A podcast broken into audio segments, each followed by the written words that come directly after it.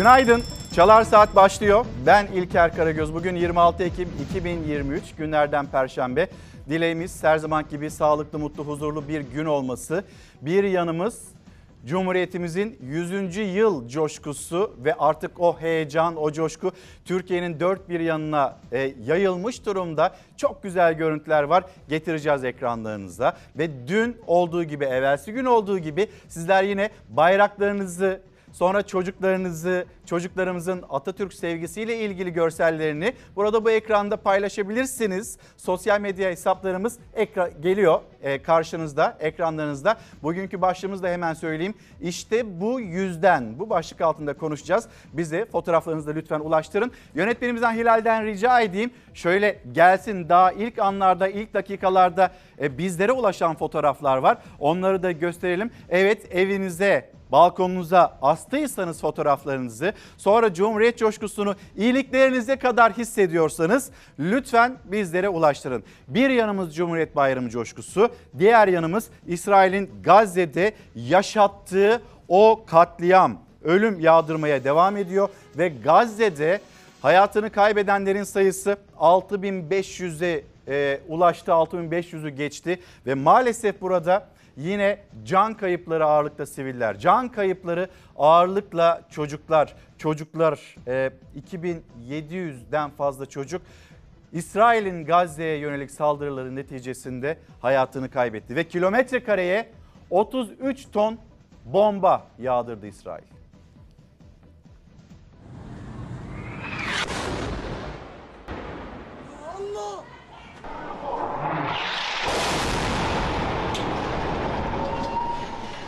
İsrail Gazze'ye hava saldırılarını yoğunlaştırdı. Gece gündüz kenti bombaladı. Yaşanan saldırılarda çok sayıda can kaybı yaşandı. İsrail bugüne kadar Gazze'ye Hiroşima'ya atılan atom bombasına eş değerde patlayıcı attı. İsrail 7 Ekim'den bu yana 20 gündür Gazze şeridini aralıksız bombalıyor. Sivil kayıpların sayısı 6546'ya yükseldi. Hayatını kaybedenlerin yarıya yakını çocuk. Gazeli yetkililere göre 900'ü çocuk 1600 kişi de enkaz altında.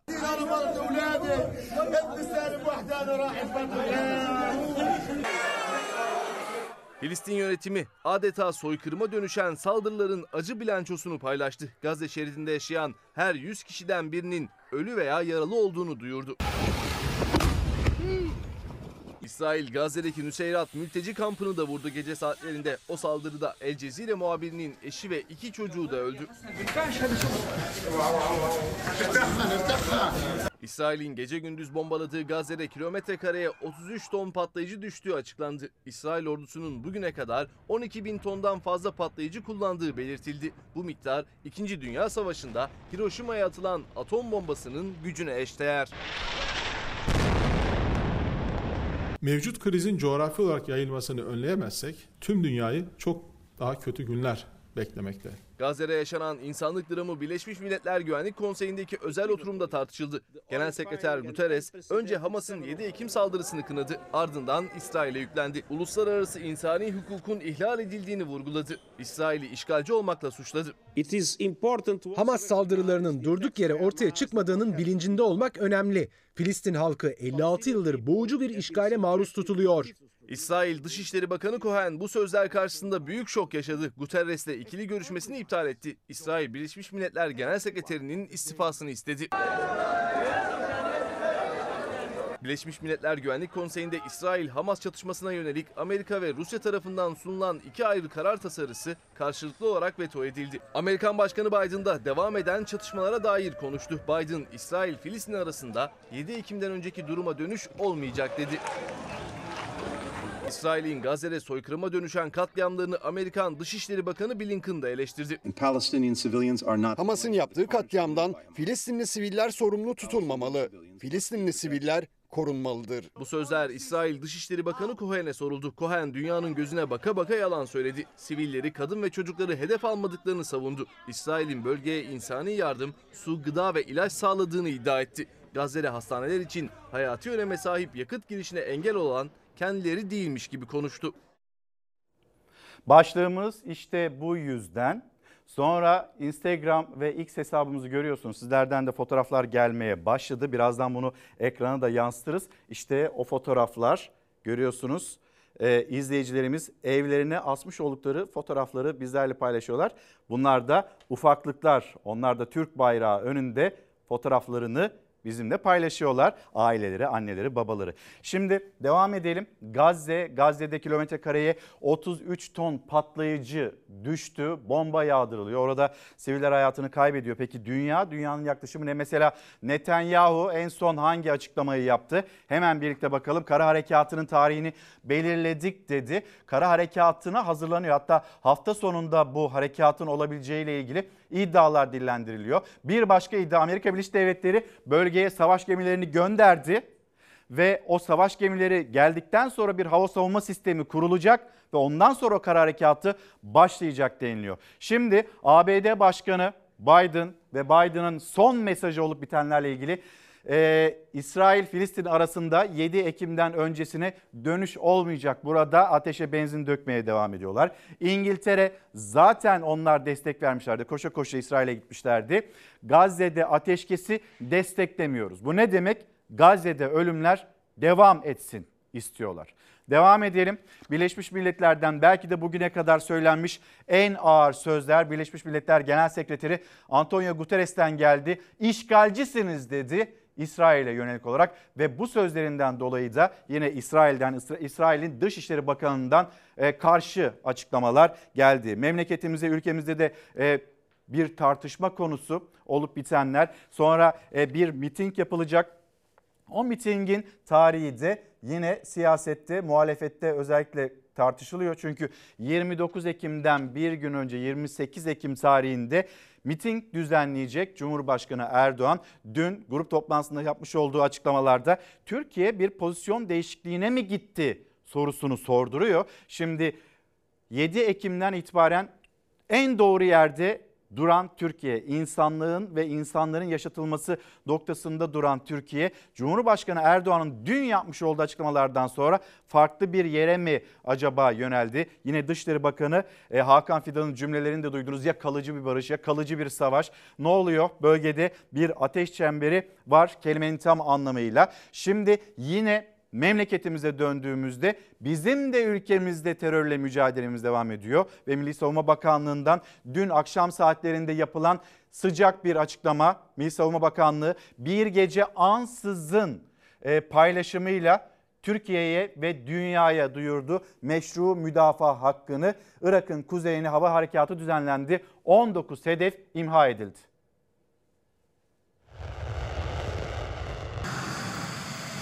Terör örgütü PKK, YPG'ye göz açtırılmıyor. Mehmetçik terör hedeflerini imha ediyor. Irak'ın kuzeyine hava harekatı düzenlendi. 19 terör yuvası vuruldu. Çok sayıda terörist etkisiz hale getirildi. Milli Savunma Bakanlığı bir gece ansızın diyerek duyurdu harekatı. Savaş uçakları Irak'ın kuzeyinde Metina, Gara, Avaşin, Hakurk ve Kandil'de belirlenen hedeflere operasyon düzenledi.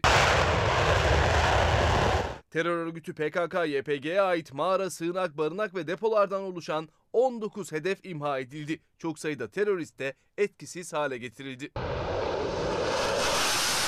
Milli Savunma Bakanlığı yaptığı açıklamada terörle mücadele tek bir terörist kalmayıncaya kadar azim ve kararlılıkla devam edecektir vurgusu yaptı.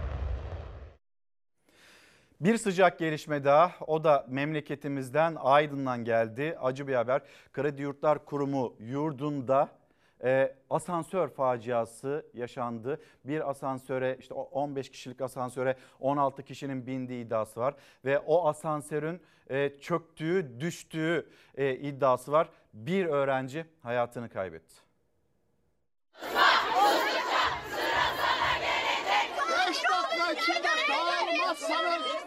müdahale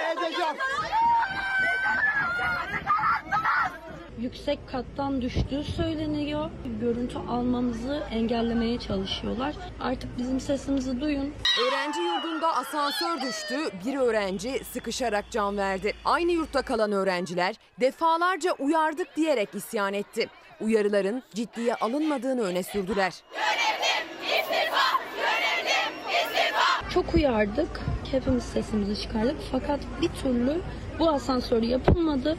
Şu an içeride kim bilir kimin evladı canıyla cebelleşiyor. Yürek yakan öğrenci ölümü haberi Aydın'ın Efeler ilçesinden geldi. KYK Güzelhisar Kız Öğrenci Yurdu'nda bir öğrenci asansör arızası nedeniyle yaşamını yitirdi. Öğrenciler duruma isyan etti.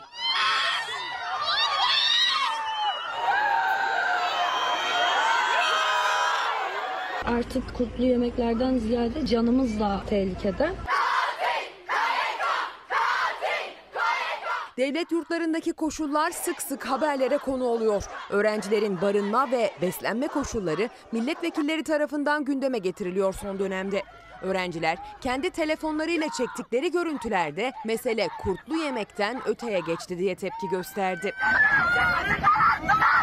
Günlerdir uyardığımız asansör Güzel Aydın KYK Kız Yurdu'nda sonunda düştü. Asansörde toplam 20 kişinin olduğu öğrenildi.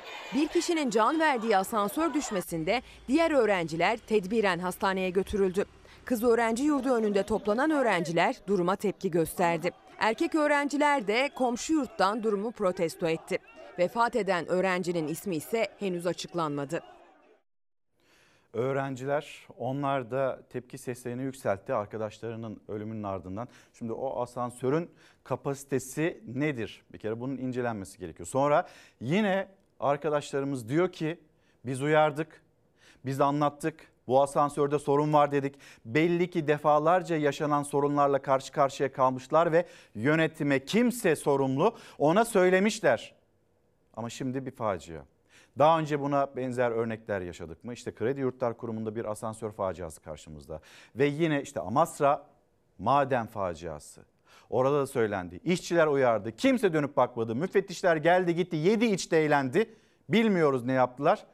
O facia göz göre göre geldi. O zaman bu facia da mı göz göre göre geldi? Buradaki soruşturma başladı ve devamında acaba neler çıkacak takipçisi olacağız. Öğrenciler barınma problemiyle karşı karşıya.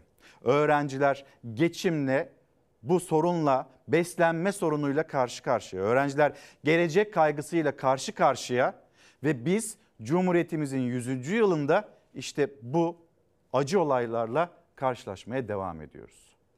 Devam edeceğiz e, bu haberi takip etmeye. Şimdi bir yangın haberi, o yangın haberi de gelsin. Bursa'da e, geri dönüşüm atıklarının toplandığı alanda çıkan büyük yangın.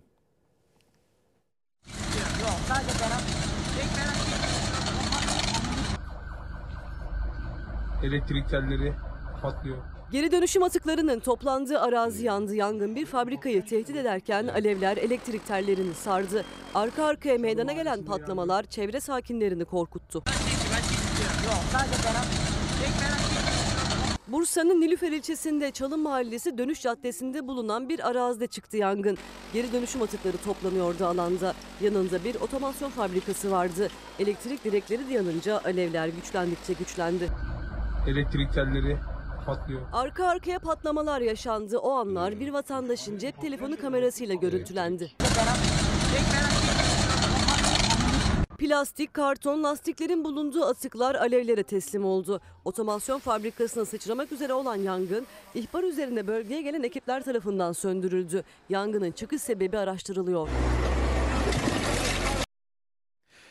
Bengü Hanım göndermiş. Cumhuriyet çocuğu Arya Mila Topçuoğlu. Hemen gösterelim. Bu arada da hemen arkamızdaki ekrana da sizlerden gelen fotoğraflar şu an itibariyle bile gelen fotoğraflar yansısın. Bugün de bayraklarımız, bayraklarımızı göstermeye devam edelim. Bayraklarımızı asmaya devam edelim. Atamıza ve silah arkadaşlarına duymuş olduğumuz minneti de gösterelim istiyoruz. Hani kıymet vermeyenler, Sonra e, atamızı silah arkadaşlarını anmadan milli mücadeleyi anlatmaya çalışanlar, onlara inat, kutlamaları erteleyenlere inat. Siz 100. yıl coşkusunu yaşayın. Ve zaten öyle memleketin dört bir yanında sokaklarda caddelerde de öyle. İşte bakın burası mesela Nemrut. Nemrut'ta çocuklarımız öğrenciler orada açmış oldukları bir sergi Gelenler, turistler onları gördü. 100. yıl coşkusu zirvelere taşındı, sokaklardan taştı. İşte büyüklerimiz ondan sonra yine bizlere ulaşan fotoğraflar memleketin her yerinden geliyor bu fotoğraflar. E o zaman biz de bir sokağa açılalım mı? Ne dersiniz? Sokaklarda, caddelerde o coşkular nasıl yaşanıyor? Saat başına da geldik. Hadi bir coşkuyla ilerleyelim.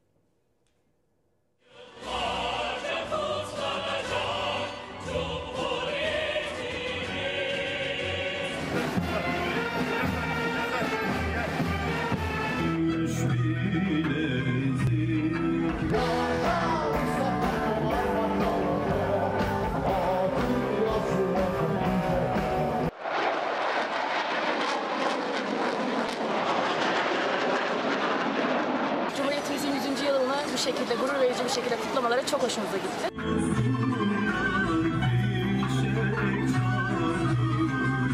Çok mutlu olduk. İçimiz kıpır kıpır oldu. Konserler, yürüyüşler, kareografiler. Her yer karnaval yeri gibi. Cumhuriyet Bayramı heyecanı her yerde.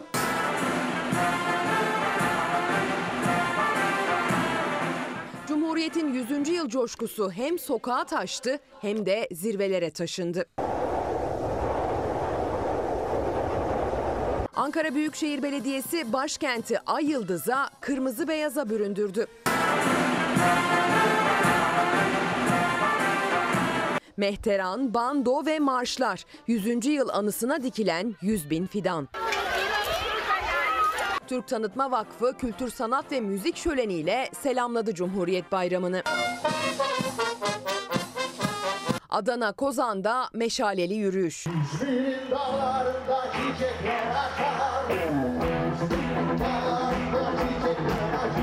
Ve Manisa 100. yılda 100 kişiyle harmandalı.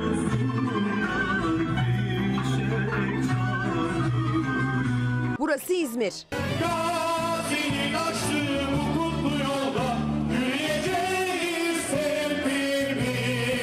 Sonra Edirne. Solo Türk Erzurum semalarında gösteri uçuşu yaptı.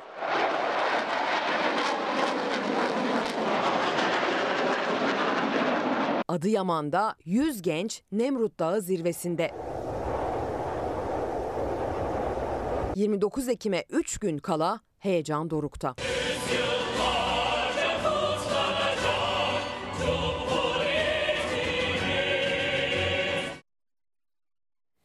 Cumhuriyetimizin 100. yıl coşkusuna bizler de eşlik ediyoruz. Sizler de ekranlarınızın karşısında hem mesajlarınızla hem de fotoğraflarınızla e, bizim yanımızdasınız. Teşekkür ederiz. Şimdi bugün e, önemli bir gün. Piyasalar için de öyle. Ekonomiye dair birkaç bilgi, birkaç e, paylaşımımız da olsun. Şimdi mesela Birleşik Kamu İş'in BİSAM'ın araştırması Türkiye Cumhuriyeti'nin 100. yılında açlık sınırı, yoksulluk sınırı hangi seviyelerde diye soracak olursanız açlık sınırı 15.420 lira 15.000 lirayı aştı. Yani asgari ücreti aştı. Sonra 2 7500 lira maaş alan emeklerimiz var memlekette hem de milyonlarca. İki e, kişi, iki emekli 75 lira alan iki emekli ancak denkleştirebildiğinde açlık sınırına ulaşabiliyor. Sonra yoksulluk sınırı evinize, hanenize eğer 43.859 lira girmiyorsa yoksulluk sınırındasınız demektir. Peki vatandaş bunu yaşarken bu başlığa geleceğiz. Haberlerimiz var. Bir hesaplama var hem de o hesaplamayı yapan da TÜİK'in kendisi memleketimizde 85 milyonluk ülkede Türkiye Cumhuriyeti'nin 100. yılında kaç kişi acaba yoksulluğun ve açlık sınırının pençesinde TÜİK anlatıyor. Biz de kendisinden dinleyeceğiz, haberleştirdik. Fakat bu kadar zorluk ve darlık içinde yaşayanlar varken ballı maaşları olanlar da var. Onlar hayatlarına çok güzel bir şekilde devam ediyorlar. Düşünün Cumhurbaşkanından daha fazla kat kat daha fazla e, maaş alan bürokratlar var. Kendisi Kültür ve Turizm Bakan Yardımcısı Nadir Alparslan ballı maaş alan isimlerden birisi odur dedi. Cumhuriyet Halk Partisi milletvekili Deniz Yavuz Yılmaz sıraladığı başka isimler de vardı. Ne kadar maaş alıyorlar biliyor musunuz? Buyurun bir dinleyelim. AK Partili Kültür ve Turizm Bakan Yardımcısı Nadir Alparslan. Aynı zamanda Kuveyt Türk Katılım Bankası'nın yönetim kurulu üyesi. Bakan yardımcılığı aylık maaşı 85.401 lira. Bankadan aldığı aylık huzur hakkı 18.796 dolar. Güncel kurla 528 bin lira. Toplam aylık geliri 613 bin lira. 53 asgari ücrete denk geliyor. Sayın Resul Bey. Aynı zamanda AK Partili Vakıflar Genel Müdürü Sinan Aksu. Genel müdürlük maaşı 53.628 lira. Bankadan yönetim kurulu üyesi olarak aldığı aylık huzur hakkı tutarı 528 bin lira. Aylık toplam geliri 581 bin lira. 51 asgari ücrete denk geliyor. Şimdi asgari ücretle geçinmeye çalışan milyonlar çalışan her iki kişiden birisi asgari ücretli ya da asgari ücrete komşu ücretlerle hayatta kalmaya çalışıyor, ayakta kalmaya çalışıyor. İşte diğer tarafta da mükemmel maaş. Hem maaş. Hayır canım biz bir tane maaş alıyoruz ama huzur o paralardan sonra ikramiye o paralardan söz edilmiyor. İkramiye denildiğinde mesela emekliye ikramiye verelim dedi muhalefet hem de 5 bin lira olmasın 15 bin lira olsun ayrım yapılmasın çalışan çalışmayan herkese bu devlet büyük bir devlet değil mi? Söylediğinizde mangalda kül bırakmıyorsunuz. Hadi bakalım o zaman verelim tüm emeklilere 15 bin lira denildi. Türkiye Büyük Millet Meclisi'nde eller hayra kalktı. Herkese herkese yok. Biliyoruz sorununuzu bir problem içindesiniz ama vermiyoruz dedi hükümet. Hükümetin yaklaşımı bu. Şimdi bu haberimiz hazır. Birazdan gelecek ekranlarınıza. Yalnız yine piyasalarla ilgili bir bilgiyi daha paylaşmış olalım. Acaba bugün dolar ne olur, euro ne olur? Borsaya dün ne oldu? Ee, hani borsayla ilgilenenler varsa bize bir anlatabilirler mi? Acaba ne oldu, ne bitti, ne yaşandı? Tam da Cumhurbaşkanı Erdoğan'ın açıklamalarının hemen ardından.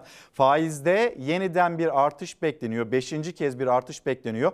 Piyasaların ve uzmanlarının beklentisi de 250 ila 500 bas puanlık bir artış. Onu hatırlatalım. Sonra bir müjde e, denilmişti. 9 Ocak 2023 tarihinde Cumhurbaşkanı size bir müjde vereceğim. Heyecanlanmayın demişti. Sonra Nurettin Nebati'ye dönüp para senden çıkmayacak merak etme diye de Nurettin Nebati'yi sakinleştirmeye çalışmış. Çünkü çok heyecanlıydı orada. Eyvah nereden çıktı bu mucize diye. Sonra düzeltiyorum müjde. Ee, sonra dün bir öğrendik ki o müjde rafa kaldırılmış. Yani otoyol ve köprülere 2023 yılında zam yapılmayacak demişti Cumhurbaşkanı. Hatta görseli de buydu. Sosyal medyada öyle paylaşılmıştı. 2023 yılı boyunca otoyol ve köprü ücretleri arttırılmayacak denilmişti. Sonra arttı. Sonra bu müjde hatırlandı. Müjde hatırlandıktan sonra İletişim Başkanı Fahrettin Altun zam demeden düzenleme diyerek yeni bir isim, yeni bir tabir bu zammın ertelendiğini duyurdu. Karşımızdaki yeni müjde zammın ertelenmesi. Ama Ocak 2024'te o zam gelecek. Acaba şimdi bugün yapılmayan zam Kasım, Aralık bu aylar gözetilerek daha fazla üzerinde mi yapılacak? Onu da hep birlikte yaşayarak göreceğiz. Bir de müjde vermek istiyorum. Heyecanlanmayın. Otoyol ve köprü hizmetlerinin fiyatlarında yıl boyu herhangi bir artışa gidilmeyecektir. Sözünde durur diye ümit ediyorum inşallah. Zam geldi ama. Demek ki duramamış. Cumhurbaşkanı Erdoğan yıl boyunca köprülere, otoyollara zam yok demişti. Geceden itibaren yeni tarife devreye girdi. %76,5'u bulan zamlar geldi. Ancak öğle saatlerinde o söz hatırlandı. Zammı Karayolları Genel Müdürlüğü açıklamıştı. İptal edildiğini Cumhurbaşkanlığı İletişim Başkanı duyurdu. Otoyol ve köprü geçiş ücretlerinde 25 Ekim'den itibaren yapılan düzenleme Cumhurbaşkanımız Sayın Recep Tayyip Erdoğan'ın talimatlarıyla Ocak 2024'de ertelenmiştir. Kullandınız mı zamlı sürede? Kullandım evet. Zamlı fiyatlar ödediniz. Evet. Mesela Kadıköy'e gittim geldim 30 TL. Bir de Avrasya Tüneli'ni kullandım 80 TL gidiş geliş. Bugün Avrasya'yı kullandınız mı? Kullandım. O da mı zamlıydı? 80 lira ödediniz. Bunun peki geri verilecek mi? Alınan geçiş ücretlerindeki fark vatandaşlarımıza iade edilecektir. Köprü ve otoyolları gün içinde zamlı tarifeden kullanan sürücülere ödedikleri fazla ücretler iade edilecek. Ancak taksiler köprü ve otoyol ücretlerini yolculardan alıyorlar. İşte o alınan fazla ücretler yolculara nasıl iade edilecek büyük bir soru işareti. Mesela ben karşıya geçtim. Yolcu ücreti verdi. 30 TL dedim. Tünelde 80 TL dedim. Kendisi verdi. E ben onu adamı nereden bulup geri vereceğim ki ona? 24 saat geçmeden yapılan zamlar geri çekildi ancak hem Karayolları Genel Müdürlüğü'nün hem de Avrasya Tüneli'nin resmi sitesinde hala zamlı tarifeler gözüküyor. Karayolları Genel Müdürlüğü akşam saatlerinde zamlı tarifeyi kaldırdı. Eski tarifeyi koydu internet sitesine. Avrasya Tüneli'nde de saat 17'den sonra zamsız tarifeye geri dönüldü. Sürücülerin başını döndüren bu trafikte merak edilen iadelerin ne zaman yapılacağı. Kimse memnun değil şu anda bu yaşantıdan. Devlet buna bir çözüm de bulmuyor, etmiyor. Biz bir müjde vermiştik. Şimdi e, zam yapamayız denildi galiba ve o zamdan da vazgeçildi. Sizleri e, Çekya'ya götüreceğiz. Şimdi ekranlarınızda çok ilginç bir an yansıyacak. Sosyal medya fenomeni film çekti. Reklam için helikopterden 1 milyon dolar saçtı. Kalabalık paraları toplamak için birbiriyle yarıştı.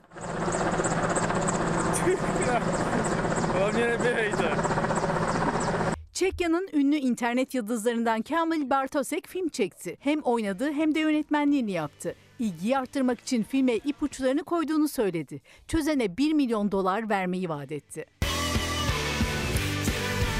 Ancak kimse çözemedi. Çek Yıldız parayı dağıtmakta kararlıydı. İnternet üzerinden şifreli adres verdi. Şifreyi çözenler kendilerini tarlada buldu. Herkes ne yapacağını merak ederken helikopter belirdi. Taşıdığı konteynerin kapakları açıldı. Kalabalık gökten yağan paraları toplamanın peşine düştü. Yanlarında getirdikleri çantaları doldurmaya çalıştı. Görüntüler Çekya'da tartışma başlattı. Herkes 1 milyon doların dağıtılıp dağıtılmadığı sorusuna yanıt arıyor. Bizim memleketimizde de paralar saçılıyor. Ondan sonra e, vatandaşa kemer sıkması telkin ediliyor. Sabır, sabırlı olun. 2053'te hiçbir şey olmayacak. Her şey geride kalacak. Dünyanın en büyük 5 ekonomisinden birisi olacağız deniliyor. Mesajlarınız geliyor, fotoğraflarınız geliyor. Bakalım. Melahat Palabayık, günaydınlar Cumhuriyetimizin 100. yılı kutlu olsun demiş.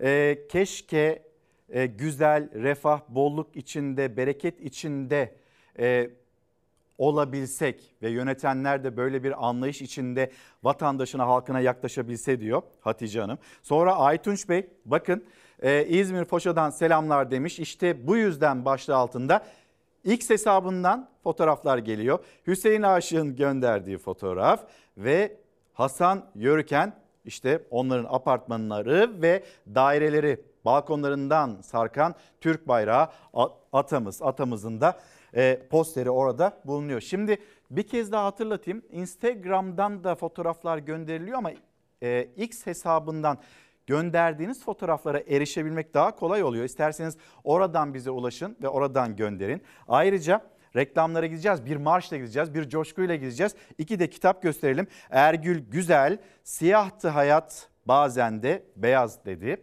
kitabında bizimle paylaştı. Ve hoş gelişler ola Mustafa Kemal Paşa, Gazi'nin Kars Anıları, Doktor Kubilay Çelik'in kitabı göstermek isteriz ve marşlarla hızlı bir şekilde reklamlara gidelim dönelim.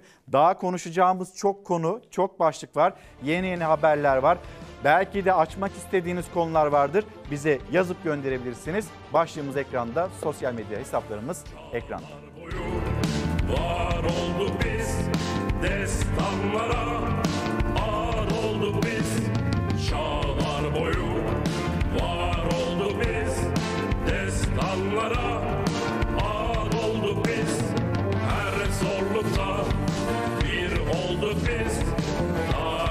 Tarih yazan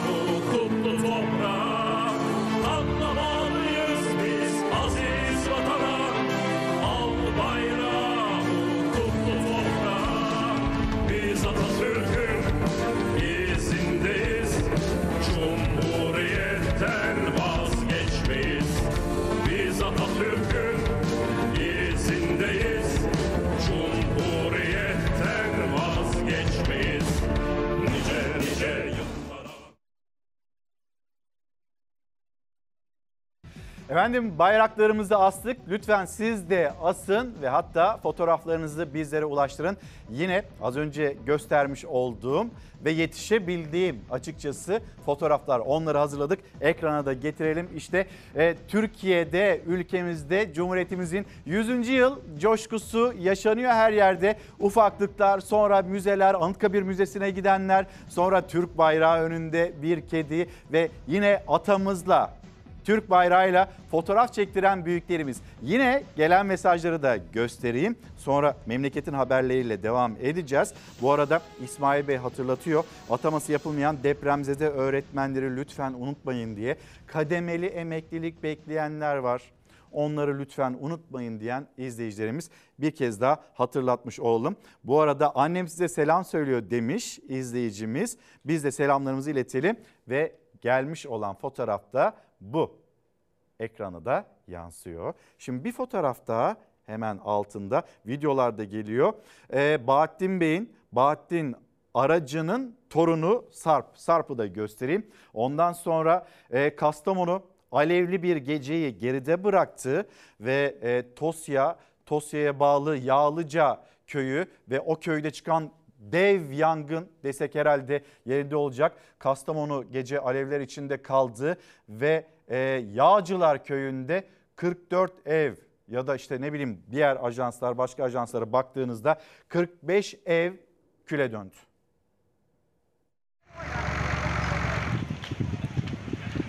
Bütün emeğimiz burada. Yandık, bittik. Yapacak bir şey yok memlekette. Gözyaşları içinde izlediler bütün emeklerinin küle dönüşünü. Göz göre göre alevler büyüdü. Gündüz gözüyle başlayan yangın gece saatlerinde köyü adeta cehenneme çevirdi. Kuş bakışı çekilen görüntülerde köyün alev alev yandığı gözler önüne serildi. Evleri, köyleri, memleketleri gözleri önünde yananlar gözyaşları içinde kaldı. 45 ev küle döndü. Ee, Şükür can kaybımız veya can kaybımızın artması ihtimali yok. Evler boşaltılmış, vatandaşlarımız çıkmışlar zamanında. Ee, 10-15 civarında bir sayı netleşmedi henüz ama hayvan telefatı olduğunu gene kendileri belirtiyorlar. Burası Kastamonu Tosya'ya bağlı Yağcılar Köyü. Yangının çıktığı ev belli ancak çıkış sebebi henüz bilinmiyor. Köylüler elektrik direğinden çıkmış olmasından şüpheleniyor. Hava kararmadan hemen önce düşen ilk kıvılcım birbirine yakın evleri teker teker yaktı. Tüm çabaya rağmen yangının yayılmasının önüne geçilemedi. Alevleri görünce hemen koştular ama Evin yanına birden yanaşamadık. Ee, tüp patlayınca. Etfaiyeler bir buçuk saatten önce geldi. Bir anda büyüdü yangın. Evden eve, evden eve, evden eve yetişemedik. Sıcaktan giremedik, müdahale edemedik. Köylüler itfaiyenin geç geldiğini öne sürdü. Çevre il ve ilçelerden ekipler de katıldı söndürme çalışmalarına. Ankara'dan iki helikopter yönlendirildi, çalışmalara havadan destek verildi. Kastamonu valisi Meftun Dallı köyü ziyaret etti. AFAD'ın tespit yapacağını, isteyene konteyner verileceğini, belli bir süreden sonraysa evlerin yeniden inşa edileceğini söyledi. Efendim şimdi Gazze yangınına döneceğiz. Hep birlikte Kastamonu'daki yangının ardından kilometre kareye 33 ton patlayıcı insanların orada üzerlerine bomba, yağ, bomba yağıyor demiştik. 12 bin ton patlayıcı kullanıldı şu ana kadar. 19. gündeyiz. 20. gün devamında İsrail'in yapmış olduğu açıklamalar da var. Can kaybı 6500'ü geçti ve çoğu çocuk maalesef İsrail'den gelen yeni açıklama kara harekatının e, tarihinin belirlendiğine yönelik olarak Netanyahu bu açıklamayı yapıyor. Hesap vereceğiz dedi. Yalnız önce e, bu harekat tamamlanacak. Bu harekat tamamlandıktan sonra biz o hesabı veririz dedi. Arkasında kim var? Arkasında Amerika Birleşik Devletleri var.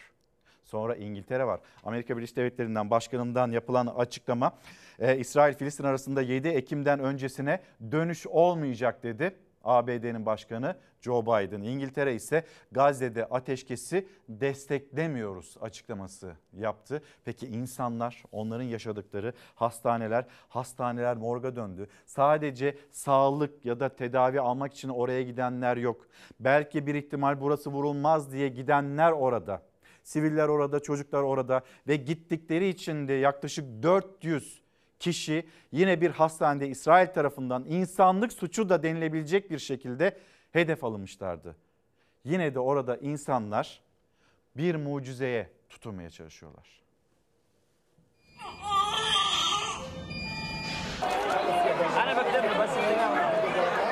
هاي بابا جاي هاي بابا جاي ما تخافيش هاي بابا جاي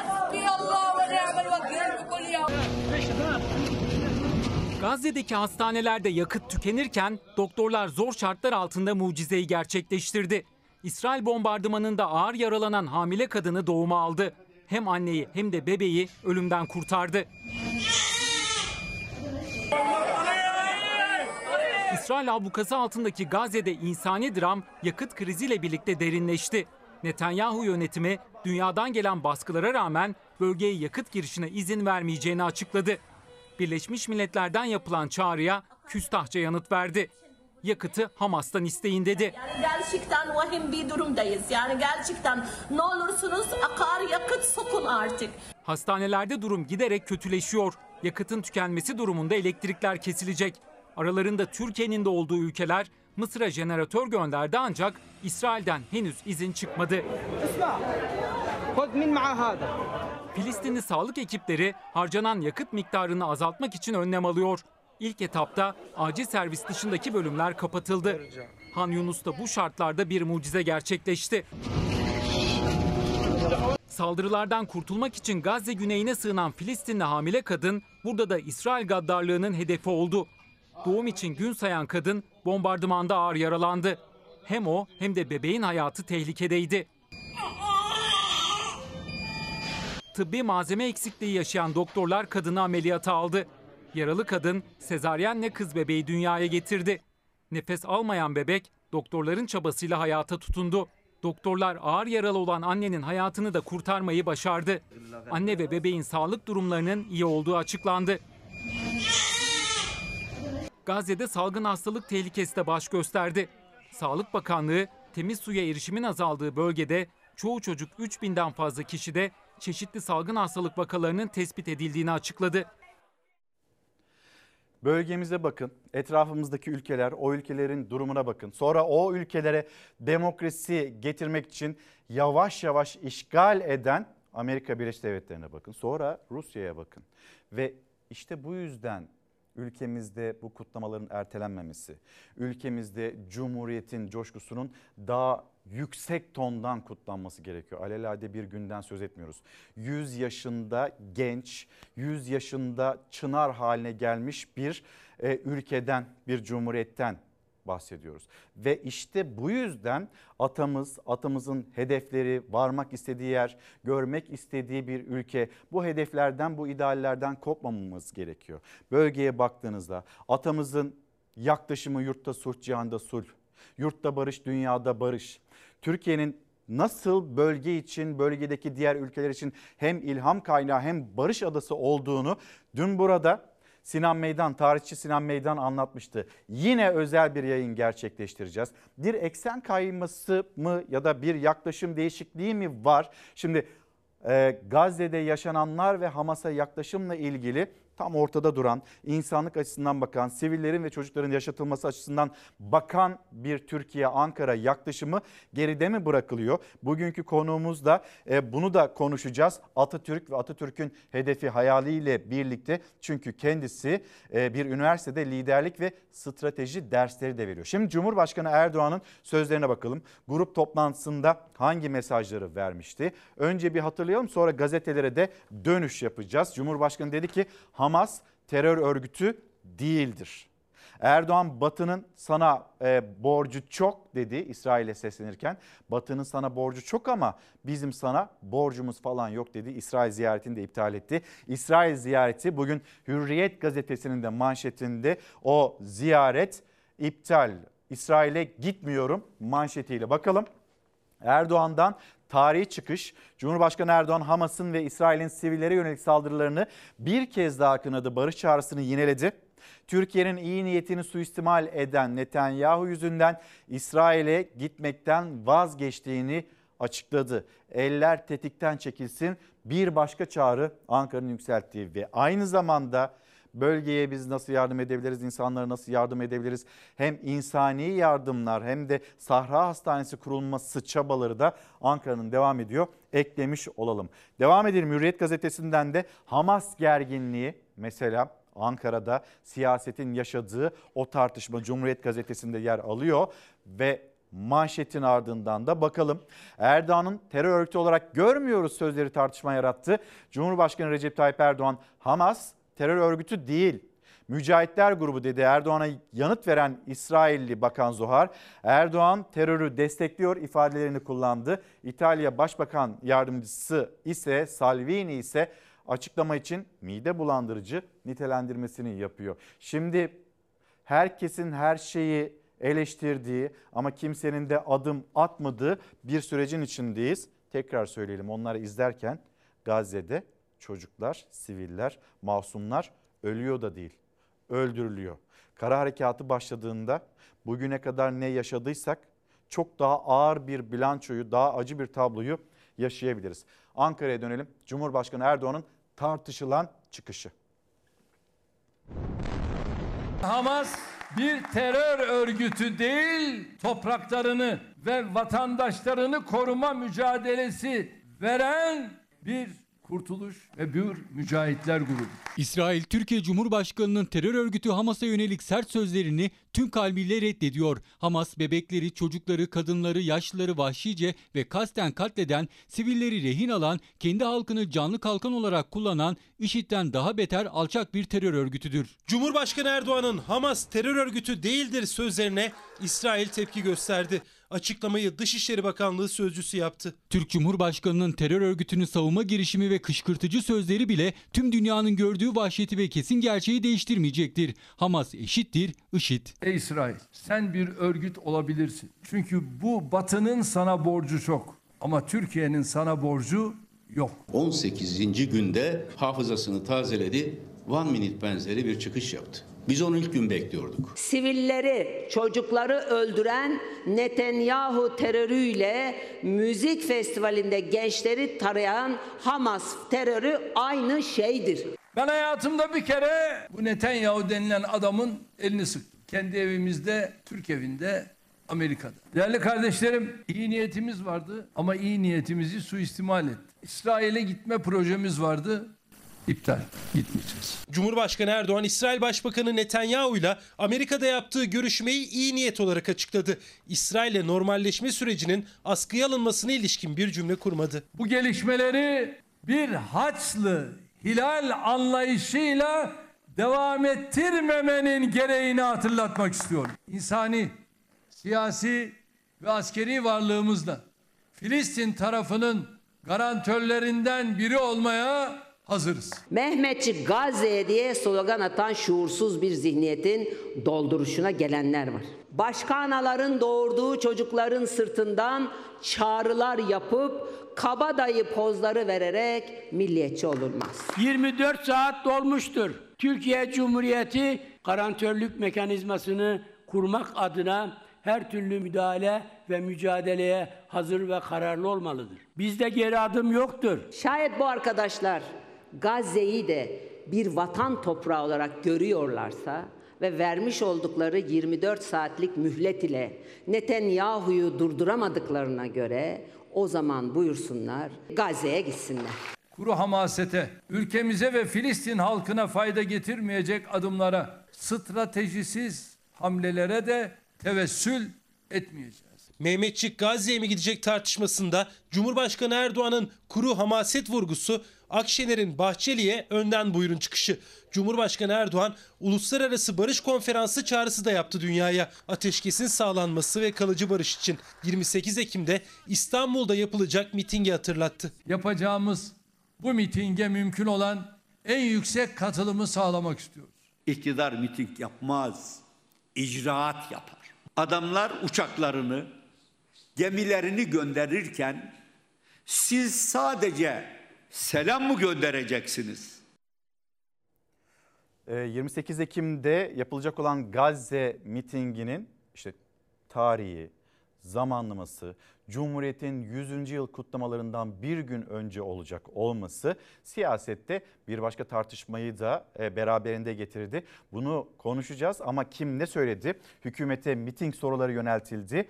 3 hafta neyi beklediniz de 28 Ekim tarihinde siz bu mitingi yapıyorsunuz diye Ahmet Davutoğlu'ndan Gelecek Partisi Genel Başkanı'ndan sonra İyi Parti Genel Başkanı Meral Akşener'den başka gün mü yok yazıklar olsun size diye yine Erdoğan'ı ve bu kararı eleştiren açıklamaları vardı. Ağır salvolar vardı. Döneceğiz. Şimdi Gazze'de yaşanan katliamdan bir başka katliama geçeceğiz. Amerika Birleşik Devletleri ve Amerika Birleşik Devletleri'nde katliam 22 kişi öldü.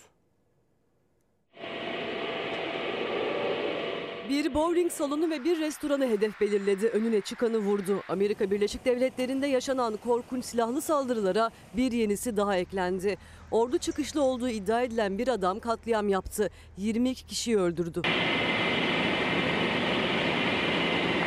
Maine eyaletinin Lewiston şehrinde elinde dürbünlü tüfekle dehşet saçtı bir adam. Önce bowling salonuna girdi ardından bir restorana.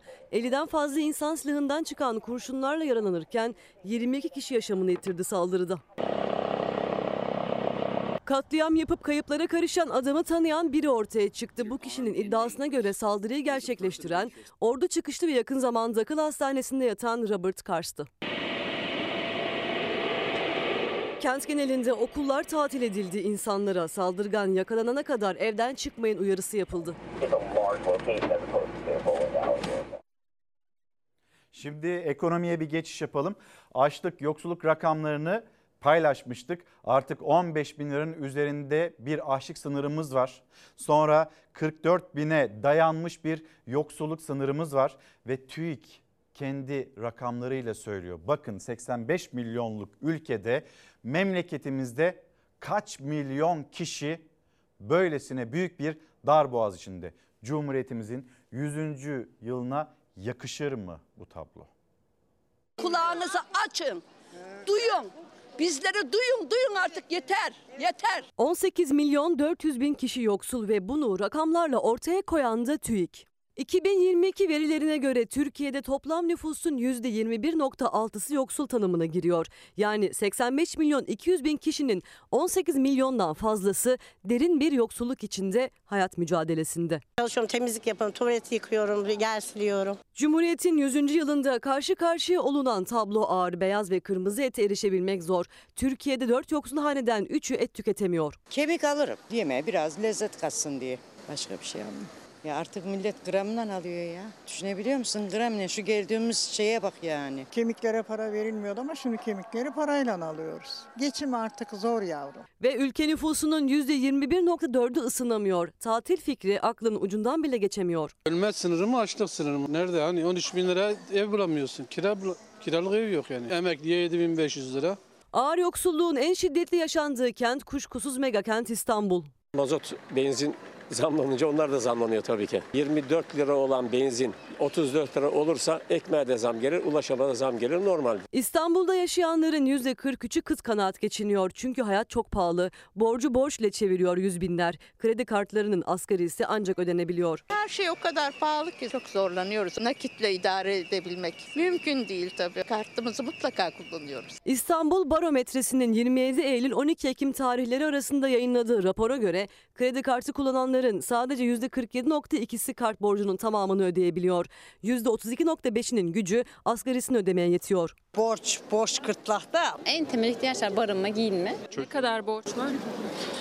Allah 200-300 bin liraya bakın var. Borcu borçla kapatıyorsun yine borç. Onu kapatıyorsun bir daha borç. Kredi borcum da var. Hepsi de var. Bazı kesimlere göre böyle bir sınır yok. Bize göre var. Birleşik Kamu İş açıkladı. Açlık sınırı 15 bin liraya aştı. 15 bin 420 lira oldu. Yoksulluk sınırı ise son bir yılda neredeyse 20 bin lira arttı. 43 bin 859 lira oldu. Ben sana bir şey diyeyim mi kızım?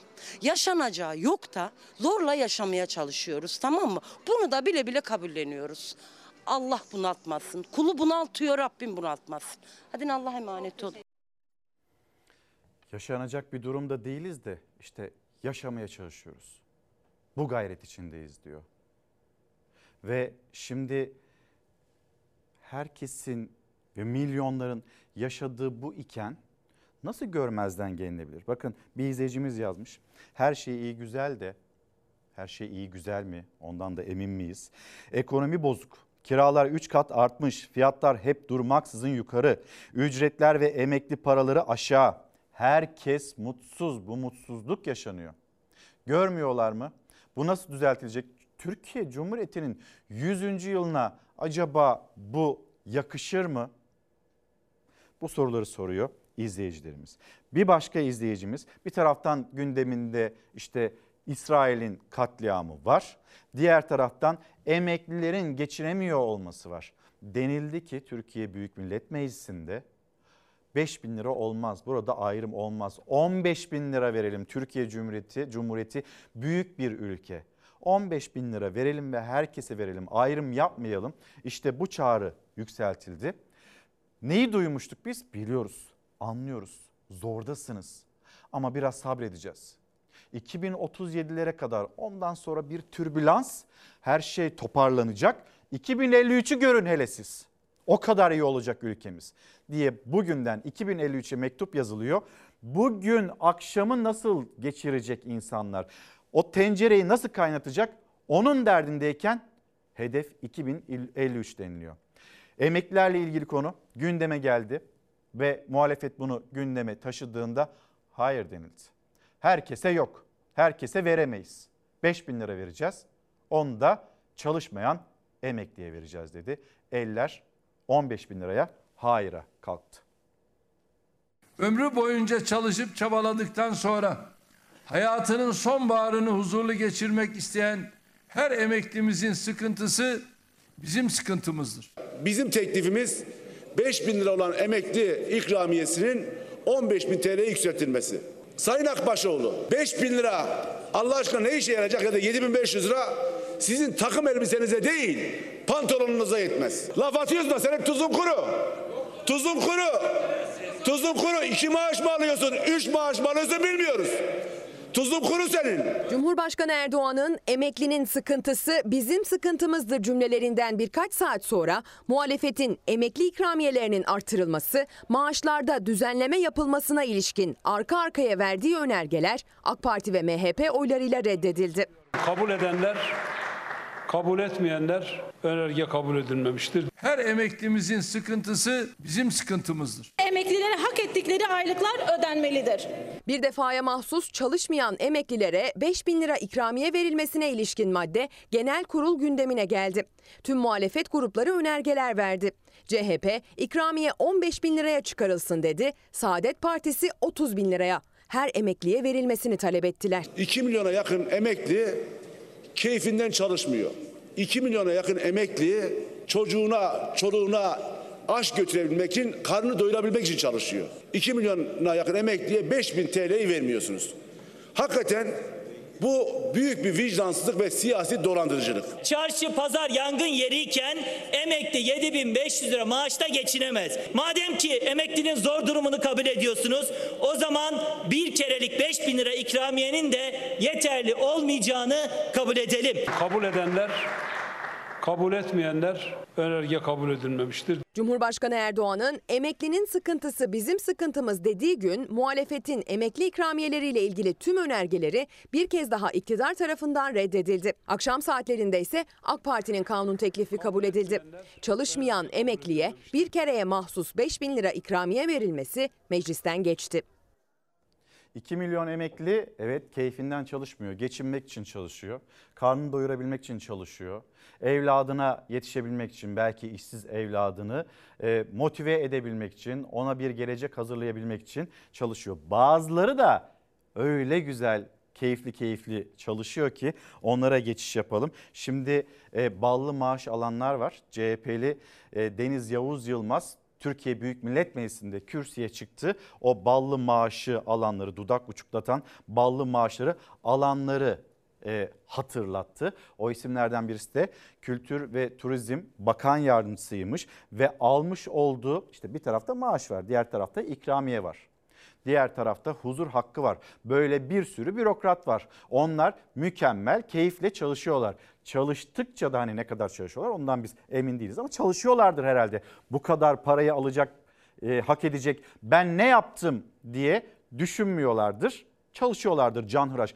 Bunu alıyorsam devletimiz, milletimiz bu vergileriyle bizi bu kadar yüceltiyorsa, nefis de bir hayat yaşıyorsak makam araçları, mevkiler, ne bileyim villalar, harika nefis takım elbiseler o zaman bizim de çalışmamız gerekiyor diye düşünüyorlardır. Bu haberi geçeceğiz yalnız bu bir tercih. Ben burada e, Selçuk Tepeli'nin her akşam hemen hemen her akşam hatırlatmış olduğu e, patron sizsiniz sloganını bir hatırlatayım. Bu bir tercih. E, o tercihi seçmen vatandaş 14 Mayıs'ta 28 Mayıs'ta yaptı. O tercihin ardından ortaya çıkan bir tercihle aslında burada bu isimler, bu bürokratlar onlar bu inanılmaz dudak uçuklatan maaşlar almaya devam ediyorlar. E o zaman biz de geçelim buradaki tartışma. Türkiye Büyük Millet Meclisi'nde dillendirildiğinde ya bu olmaz denildiğinde insanlara telkin sabırken bu kadar büyük maaşlar telaffuz edilemez devlette, kamuda denildiğinde AK Parti sıralarından da karşı çıkışlar geldi. Hep birlikte bir izleyelim.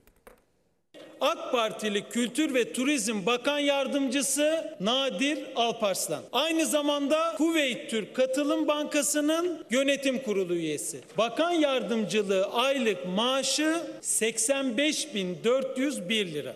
Bankadan aldığı aylık huzur hakkı 18.796 dolar. Güncel kurla 528 bin lira. Toplam aylık geliri 613 bin lira. 53 asgari ücrete denk geliyor. Sayın Başkan, değerli milletvekilleri.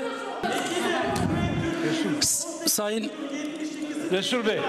AK Partili vekil Kuveyt Türk Özel Banka diyerek savunmaya çalıştı. Bir bürokratın 18.796 dolar aylık huzur hakkı almasını. Kuveyt Türk'ün %18,72'si devlete ait. CHP'li Deniz Yavuz Yılmaz'ın genel kurulda verdiği bilgiye göre Turizm Bakan Yardımcısı Nadir Alpaslan bakan yardımcılığı maaşının yanı sıra bugünkü kurla 528 bin lira da aylık huzur hakkı alıyor Kuveyt Türk'ten. Toplam aylık geliri 613 bin lira 82 en düşük emekli maaşına denk geliyor. 2011 yılında yapılan düzenlemeyle daha önceden birden çok yönetim kurulu üyeliğinden ücret alma imkanı varken AK Parti buna son vermiştir. Saadet Partisi kamuda birden fazla maaş alan bürokratlarla ilgili araştırma önergesi verdi. AK Parti huzur hakkı adı altında alınan ek maaşları savundu. Aynı zamanda AK Partili Vakıflar Genel Müdürü Sinan Aksu. Genel müdürlük maaşı 53.628 lira. Bankadan yönetim kurulu üyesi olarak aldığı aylık huzur hakkı tutarı 528 bin lira.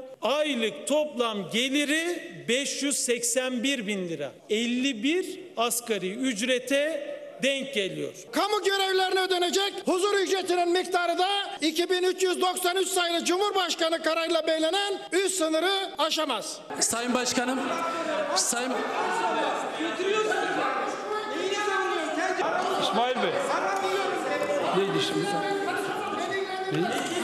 Öneriyi oylarınıza sunuyorum. Kabul edenler, kabul etmeyenler kabul edilmemiştir. Deniz Yavuz Yılmaz tek tek isimleri saydı genel kurulda. Kamudan ve kamuya bağlı şirket ve bankalardan aldıkları huzur hakkı adı altındaki ücretleri AK Parti ve MHP oylarıyla araştırma önergesi reddedildi. 82 emekli maaşı ne demek? Vatandaşın nefesi tükendi. Üzerindeki vergi yükünden artık kamburlaştı. Enerjisi kalmadı.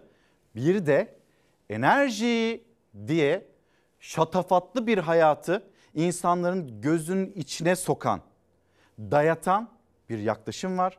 Orada da bir e, soruşturma var mı yok mu ne olduğu e, anlaşılamayan bir durum var. Dilan Polat, eşi ve yakınlarıyla ilgili haber.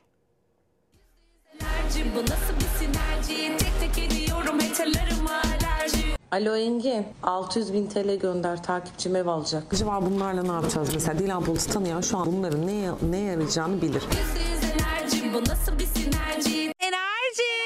Saçına sarılı dolarlarla altın tozuyla içilen kahveler Dilan Polat'ın sosyal medyadan paylaştığı hayatı bu lükse nasıl ulaştı adım adım inceleniyor. Hala gözaltı yok. Kara para aklama da dahil 3 ayrı suçlamayla soruşturulan ve tüm mal varlıklarına tedbir konulan Dilan Polat ve eşi Engin Polat'tan açıklama geldi. Avukatlar aracılığıyla yaptıkları yazılı açıklamada soruşturmaların asılsız ihbarlar ve iftiralar nedeniyle başlatıldığını savundular. Kara kutuları ise iddiaya göre deşifre oldu. Para trafiğinde oklar çiftin irtibatlı olduğu mali müşaviri gösteriyor. Turkish dollar woman. Milyoner. Müvekkillerimizin adli makamlara ve Türk yargısına inancı sonsuzdur.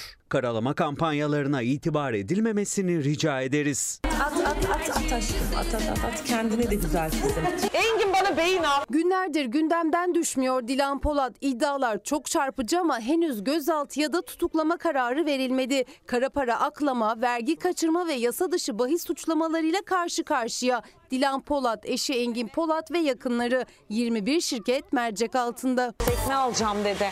Enerji.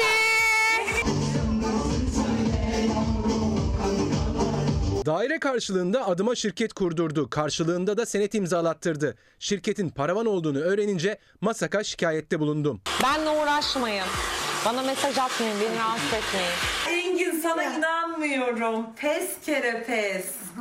Enerji. Dilan Polat ve Engin Polat çiftinin çalıştığı mali müşavire ilişkin iddialar 3 yıl önce ulaştı Masak'a. Gazeteci Onur Durmuş ulaştı detaylara. Ailenin kara kutusunun mali müşavir Ahmet G olduğu iddia ediliyor. Mali müşavirin şoförü YŞ'nin suçlamaları mahkeme kayıtlarında da yer aldı. Rüşvet çarkını bir bir anlattı şoför. Hatta Masak tarafından ihbar ikramiyesi ödendi şoföre. Ya alo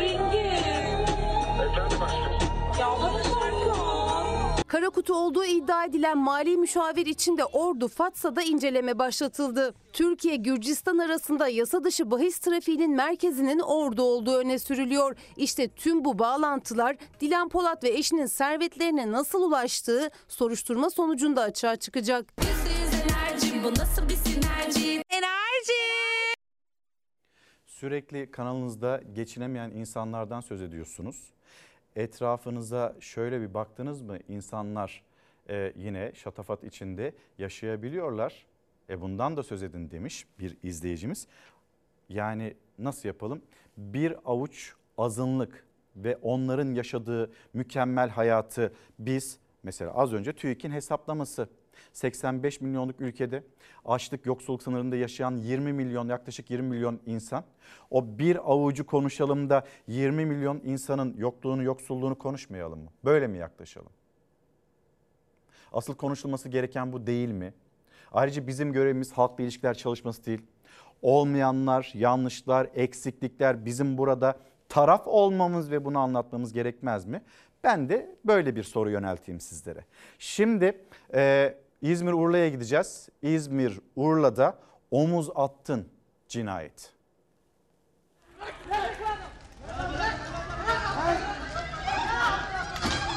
Sıcağı sıcağına ne olduğunu anlamadı. Ağır yaralanmıştı. Marketten çıkıp yere yığıldı. Bir kişinin ölümüyle sonuçlanan markete çıkan kavganın güvenlik kamerası görüntüleri paylaşıldı.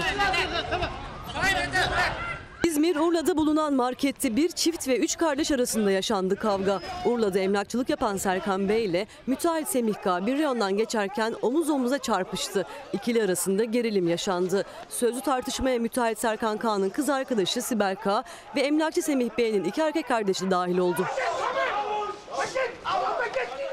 Tartışma kısa sürede kavgaya dönüştü. 6 kişi ayırmak mümkün olmadı. Kardeşler sakinleşmişti. Kavga etmek istemediler. Ancak Serkan Bey ve kız arkadaşı durmadı. Sibel K. Üç kardeşi defalarca darp etti. Ardından başka reyondan geçerek kardeşlerin üzerine cam şişe fırlattı. Kavga camların üzerinde devam etti. Semih K. ayağa kalktığında yaralıydı.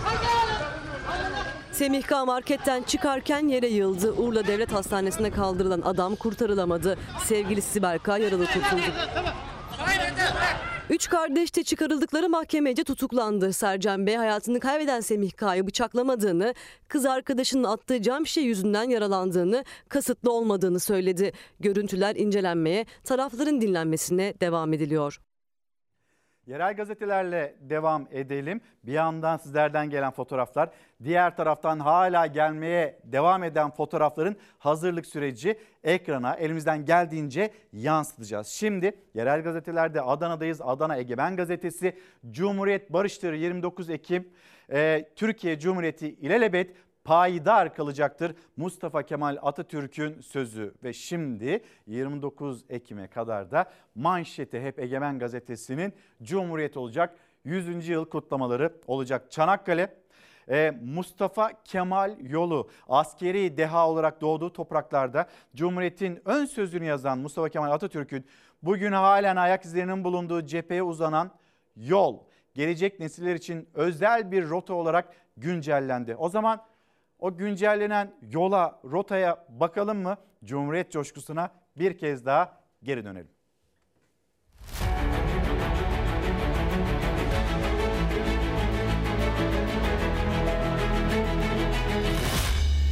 ne kadar büyük güce ve ne kadar güçlü bir geçmişe sahip olduğumuzu anlamamız, idrak etmemiz açısından çok anlamlı ve çok heyecan verici buluyoruz. Atatürk'ün Çanakkale'ye ilk adım attığı andan itibaren 289 gün boyunca harp sahasında izlediği 17 kilometrelik yol güzergahı ziyaret rotası olarak düzenlendi. Çanakkale ruhunu tüm yüreklerde yaşatacak Mustafa Kemal Yolu projesinin bir bölümü hizmete açıldı. Burası Mustafa Kemal Yolu adı üstünde. Ulu Önder Mustafa Kemal Atatürk'ün Çanakkale'ye ilk adım attığı 25 Şubat 1915 tarihinden itibaren zafere dek 289 gün boyunca karargah kurduğu, düşmana karşı mücadele ettiği, yürüdüğü noktalar tek tek belirlendi ve 17 kilometrelik Mustafa Kemal yolu rotası oluşturuldu. Rotanın başlangıç noktası Eceabat ilçesine bağlı Bigalı köyünün yakınları. Bunun da nedeni Atatürk'ün hatıralarında burayı işaret etmesi.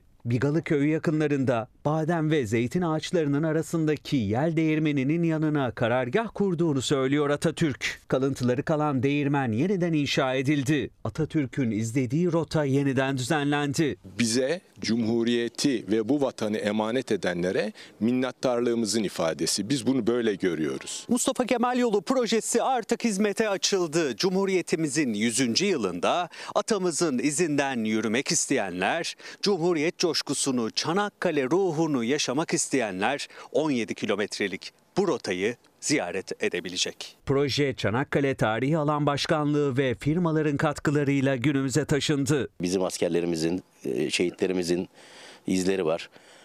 Baktığı zaman insan tabii ki bir e, gururlanıyor, hüzünleniyor. Burada tüm duygular, tüm e, yaşananlar, her şey burada. Burayı hissetmek gerekiyor. Gençliğimizin bunu burayı görmesi lazım. Bu yolu yürümesi lazım. Burayı koklaması lazım. Mustafa Kemal yolu ve oradaki işte Gelibolu Yarımadası'ndaki tarihi alan içinde yeni bir güzergah. Atatürk'ün, silah arkadaşlarının bir de bu var. Yani Çanakkale Savaşı'nı Atatürk'süz anlatmaya çalışanlar, hurafelerle anlatmaya çalışanlar. Hatta isimlerinin önünde titirleri var. doçentler, profesörler, üniversite üniversite dolaştırılıp kıymetlendirilenler onlar var. İşte gerçek. Harp mecmuasını açın bakın görürsünüz zaten görmek isterseniz Atatürk'ün orada olduğunu. Devam edelim. Aydın Hedef Gazetesi sezon kötü geçti. Hülya Hanım yazmış. Aydın'daki e, bu yurt faciası, asansör faciası ondan söz etmeyecek misiniz diye bizim yeni günde başlangıç haberlerimizden, manşet haberlerimizden birisiydi. Kaçırmışsınız. Belki kaçıran başka izleyicilerimiz de vardır. Bir facia yaşandı Aydın'da. Birazdan onu da getirelim o zaman. Ee, sezon kötü geçti. Aydın'ın en önemli ürünlerinden incirde sezon üreticiler için geçmedi. İncirli Ova'da ürünün kalite ve rekolte düşüklüğü dikkat çekerken bu durum fiyatlara da yansıyor denildi. Sonra fiyatı 300 lirayı buluyor diye bir başlık Aydın Hedef gazetesi. Yeniden Aydın'da kalalım. Aydın'da yaşanan o asansör faciası ve bu asansör faciası da Kredi Yurtlar Kurumu'nda onun yurdunda yaşandı. Bir öğrenci hayatını kaybetti ve sonrasında öğrenciler biz size söylemedik mi? Bu asansörlerin bakımının yapılması gerektiğini biz size hatırlatmadık mı diye yurdun önünde arkadaşlarının vefatından sonra buluşmaları tepki sesleri.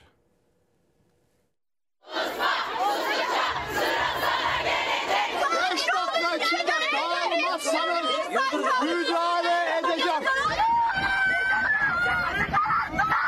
Yüksek kattan düştüğü söyleniyor. Görüntü almamızı engellemeye çalışıyorlar. Artık bizim sesimizi duyun.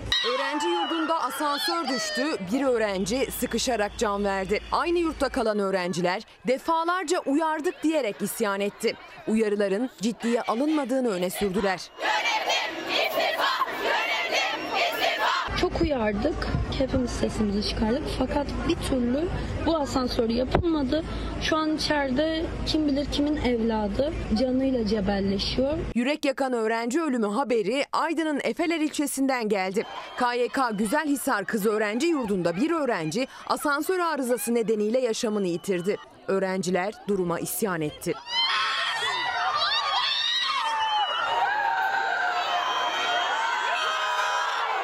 Artık kurtlu yemeklerden ziyade canımız da tehlikede. Devlet yurtlarındaki koşullar sık sık haberlere konu oluyor. Öğrencilerin barınma ve beslenme koşulları milletvekilleri tarafından gündeme getiriliyor son dönemde. Öğrenciler kendi telefonlarıyla çektikleri görüntülerde mesele kurtlu yemekten öteye geçti diye tepki gösterdi. Günlerdir uyardığımız asansör Güzel Sarkay Aydın KYK Kız Yurdu'nda sonunda düştü. Asansörde toplam 20 kişinin olduğu öğrenildi. Bir kişinin can verdiği asansör düşmesinde diğer öğrenciler tedbiren hastaneye götürüldü. Kız öğrenci yurdu önünde toplanan öğrenciler duruma tepki gösterdi. Erkek öğrenciler de komşu yurttan durumu protesto etti. Vefat eden öğrencinin ismi ise henüz açıklanmadı. Şimdi orada evladı olan aileler yürekleri ağızlarında. Ne oldu ne bitti öğrenmeye çalışıyorlar. Evlatlarını Kredi Yurtlar Kurumu'na emanet ediyorlar. Yaşanan faciayı görüyorsunuz. Peki biz bunu niye yaşadık? Öğrenciler uyarmışken üstelik bakın bu problemle sık sık karşılaşıyoruz dedikten sonra neden bu yaşandı? Bir izleyicimiz Sema Hanım. Sema Hanım da şunu söylüyor. Ee, Kredi Yurtlar Kurumu'ndaki o asansör faciası haberini izledim. Ee, İstanbul Makine Mühendisleri Odası'nın avukatlığını yapıyorum. Maalesef asansör denetimleri bizden alınıp özel şirketlere verildi, veriliyor. Şöyle mi yaklaşıldı? Bir tasarruf yapalım. Şimdilik bir şey olmaz. Dayanır bu da diye mi yaklaşıldı? Özel şirketler onlara verildi de onlar mı işini iyi yapmadı? Soruşturma başlatıldı. Aydın Valiliği tarafından. Şimdi ee, şimdi yeni bir görüntü, sıcak bir görüntü hemen gelsin ekranlarınıza. Ee, İsrail tankları uzunca bir süredir burada Gazze'nin sınırında tutuluyor, bekletiliyordu. Kara harekatının da her an başlayabileceği yönünde Netanyahu'dan dün akşam saatlerinde bir açıklama gelmişti. İsrail Savaş Kabinesi bir tarih planı içindeyiz demişti ve o tarihi açıklamamışlardı. Hafta sonu beklentisi vardı. Amerika Birleşik Devletleri'nin yine aynı şekilde bölgeye göndereceği yeni savaş gemisi ve onun kuracağı hava savunma sisteminin bekleneceği iddia ediliyordu ve tankların İsrail tanklarının Gazze'ye şu an şu saat itibariyle bir baskın düzenlediğini söyleyebiliriz. Gazze'den yükselen ses, acı feryat, çocuklar siviller orada hayatını kaybederken bu kara harekatının en kötü senaryo olacağını söylüyor dünya ve Biden kara harekatının doğru olmayacağını söylüyor ama diğer taraftan da e, İsrail-Filistin arasında 7 Ekim'den öncesine dönüş olmayacağı bilgisini de paylaşıyordu. O görüntüler geldi. Sıcak görüntüler İsrail tanklarından Gazze'ye baskın ve şu anda Gazze, oradaki siviller kaçabilecek bir yer bulabilecekler mi? Hayatta kalabilecekler mi? Herkesin merak ettiği bu. İngiltere Gazze'de ateşkes istemiyoruz ve bunu desteklemiyoruz derken tankların Gazze'ye doğru hareket ettiğinin görüntüsünü ekranlarınıza getirdik. Bir kez daha gelsin. Hala görüntüler ajanslardan geçiyor. Dünyanın gözlük kulağı Gazze'de bu kara harekatında olup olmayacağındaydı. Evet bu kara harekatı olacak demişti. İsrail e, Başkanı, Başbakanı Benjamin Netanyahu ve şu anda da tankların Gazze'yi ve Gazze'de belirlenen bazı hedefleri sivil gözetmeden hem de nasıl vurduğuna tanıklık ediyoruz. Devam edeceğiz bu konudan, bu gündemden. Yine memleketimizde geri dönecek olursak sağlıkta şiddet bitmiyor. Çalışıyorum acil serviste. Bugün bir saldırıya uğradım. Ve yine bir sağlıkçı hasta yakını tarafından saldırıya uğradı. Annemle neden ilgilenmiyorsun diyen hasta yakını paramedik sağlık çalışanı Mehmet Kılıç'ın yüzüne yumruk attı. Hasta diazemin etkisiyle ayağa kalkmak istedi. Diazemin etkisiyle biraz bir sersemledi düşecekti. O anda ben tuttum onu düşmesin diye. Yani hastayı tuttuğum gibi e, adamın bana şurama yumruk atması bir oldu. Gökhan T. evde rahatsızlanan anne ve babasını Amasya Üniversitesi Sabuncuoğlu Şerefettin Eğitim ve Araştırma Hastanesi'ne götürdü. Anne Fatma T'ye paramedik sağlık çalışanı Mehmet Kılıç müdahale etti. Kadına yatıştırıcı bir ilaç uyguladı. Oradan bağırdı buraya bakın falan filan diye. Hayırdır kardeşim serumun mu bitti dedim. Elimi omzuna attım. Kardeşim sakin ol dedim. Burası hastane. Ben hastane gereken müdahaleyi yine yaparım. Gerekirse dışarıda bir çay içeriz beraber dedim yine. Sağlıkçının iyi niyetine rağmen Gökhan T. hakarete devam etti. Ardından da Mehmet Kılıç'ın kafasına ve yüzüne yumruk attı. Tamamen iyi niyetle gittim oraya. İyi niyetle e, yardım etmeye çalıştım. Annesine kendi annem gibi yardım etmeye çalıştım. Yerden kaldırmaya çalıştım. Küfürlerdir falan filan çok hakarete uğradım ben orada. Saldırgan hastane polisi tarafından gözaltına alındı. Yaralanan sağlıkçı Mehmet Kılıç ise 10 gün iş göremez raporu aldı. Hasta yakınından şikayetçi oldu. Şikayetçi oldum. Yani gözetim altındayım. Tomorak falan çekildi. Kafama darbe aldım. Sağlıkta şiddet gerçekten son bulsun. Yeni günün en sıcak gelişmesi olmasın denilen bölge için en kötü senaryo denilen bir kara harekatı ve şimdi İsrail Savunma Kuvvetleri'nin açıklamasıyla dünya şunu öğreniyor. Tank ve piyadelerle İsrail Kuzey Gazze'ye bir baskın gerçekleştirdi. Günlerdir orada sınırda tutuluyordu. Diğer taraftan İsrail'de kurulan savaş kabinesi bir kara harekatı hazırlığı içindeydi. Kararını almışlardı. Zamanlaması bekleniyordu. Hafta sonu deniliyordu. ABD hayır olmasın diyordu ama o sızma harekatı ya da baskın e, Gazze'nin kuzeyine yönelik olarak başladı. Tankların hareket ettiğini, piyadelerin de yine tanklarla birlikte e, Gazze'nin kuzeyine doğru ilerlediğini öğreniyoruz. Ve tanklardaki işte o top atışları onları da görüyorsunuz. Yıkılan yerler, patlayan yerler Gazze yeniden hani demiştik ya e, Çalar Saat'in başlangıcında kilometre kareye 33 ton bomba yağdırdılar. Şimdi bu istatistikler değişecek. Şimdi kilometre kareye bilemeyeceğimiz ya da sayamayacağımız, tahmin edemeyeceğimiz kadar bombalar yağacak. Olan kimi olacak? Olan sivillere olacak. Olan çocuklara olacak. Şimdi devam edeceğiz. Yine memleketimize, ülkemize dönelim. Yeni günün bu sıcak bilgisini paylaştıktan sonra piyasaların dikkatle takip ettiği bir konu gündem. Para Politikası Kurulu toplanacak. Merkez Bankası'ndan 5. kez faiz yükseltmesi bekleniyor. Yine faiz artışı bekleniyor. Ee, ve bu artışın da 250 ila 500 bas puan arasında olacağı tahminleri yapılıyor. Peki hem bunun hatırlatması olsun hem de Bu memlekette ev alabilmek, Türkiye Cumhuriyeti'nin 100. yılından söz ediyoruz. Varmak istediğimiz yerler, hedefler var. Ama burada değil yani 100. yılda değil 2053'te deniliyor. Peki bugün ne olacak? Bu ülkede ev alabilmek mümkün mü? Hele o faizlere baktığımızda karşımızda acaba nasıl bir tablo var? E, 20 faiz oranıyla ilk evini alacak olanlar e, bu kampanyadan yararlanabilir. Diğer kampanyalardan farkı ise 180 ay vadenin olması. 20 bin lira küsür civarında bir gelirim var.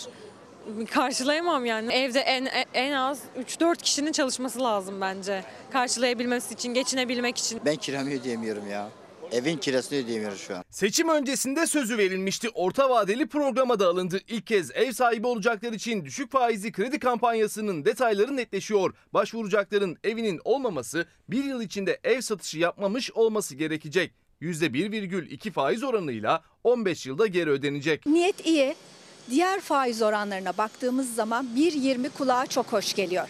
Fakat geldiğimiz noktada 2 milyon 500 bin lira kredi kullanan bir vatandaşın ayda 34 bin lira kredi ödemesi lazım. 180 ayın sonunda ise geri ödeme rakamı 6 milyon 150 bin lira. İlk evim hiç evi olmayan dar gelirli için düşünüldü ama bir asgari ücretlinin aylık taksitleri ödeyebilmesi çok zor. Ödeyebilmesi için örneğin 2,5 milyon liralık krediye 3 asgari ücretlinin yemeden içmeden bütün maaşını vermesi gerekiyor. Karnımızı doyurabiliyorsak ne ala, çocuklarımızı okutabiliyorsak ne ala. Onun dışında hiçbir şey yapılamaz. En ucuz ev benim evim şu anda 2 artı 1. 6 trilyondan aşağıya vermem. 6 milyon. Evet. İstanbul, İzmir, Ankara gibi büyük şehirlerde artık 2,5 milyon liraya ev bulabilmek zaten imkansız. Ev fiyatı yükseldiğinde ödenecek aylık taksit de artıyor. Ortalama 5 milyon liralık bir ev bulduğunuzda da e, ödenecek olan aylık taksit 67 bin lira. Geri ödemesi ise 12 milyon 300 bin lira. Bunun aslında daha avantajlı olabilmesi için bir konut kredisinin 0.80'in altında olması lazım ki gerçekten dar gelirlilere e, bir e, fayda sağlasın. Ben kira ne kadar ödüyorum? 9500 lira ödüyorum. Bana desin ki her ay 10 bin ver. 10 yıl sonra ev senin. Zaten ben kiramı ödüyorum. O şekil belki ev alabiliriz. Ben 15 bin maaşla nasıl yani yapayım? Oturma izni için yabancıların 75 bin dolarlık konut alması gerekiyordu. 200 bin dolara çıkarıldı. Vatandaşlık için konut satış limiti ise 400 bin dolarda sabit kaldı. Bu uygulamalarla piyasada fiyatlar yüksek kalmaya devam ediyor. İlk evim kampanyası ise dar gelirliği konut sahibi yapmaya yetmeyecek gibi. Ne yarar bu proje? Zenginlere her zaman olduğu gibi.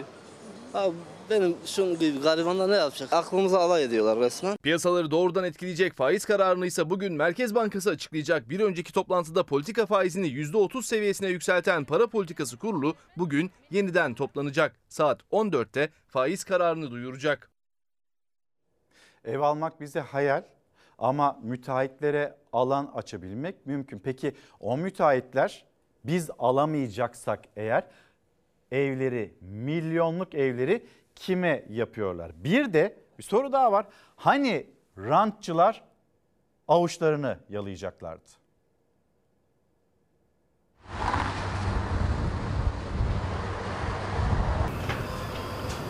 Vatandaşın kullanımına açılacak. Buradan rant beklentisi olanlar avuçlarını yalasınlar. Kimseye rant yok buradan. İstanbul'da 10 bin futbol sahası büyüklüğündeki askeri alan ranta açıldı. Açıklamayı İstanbul Büyükşehir Belediyesi Genel Sekreter Yardımcısı Buğra Gökçe yaptı. Yeşil alan kalacak denilen askeri arazilerin yapılaşmaya açıldığını duyurdu. Şehir içerisinde kalan askeri alanlar Sayın Cumhurbaşkanımızın talimatı var. Hepsi yeşil alan olacak. Bunlar yeşil alanlar olacak diye yola çıkmışız.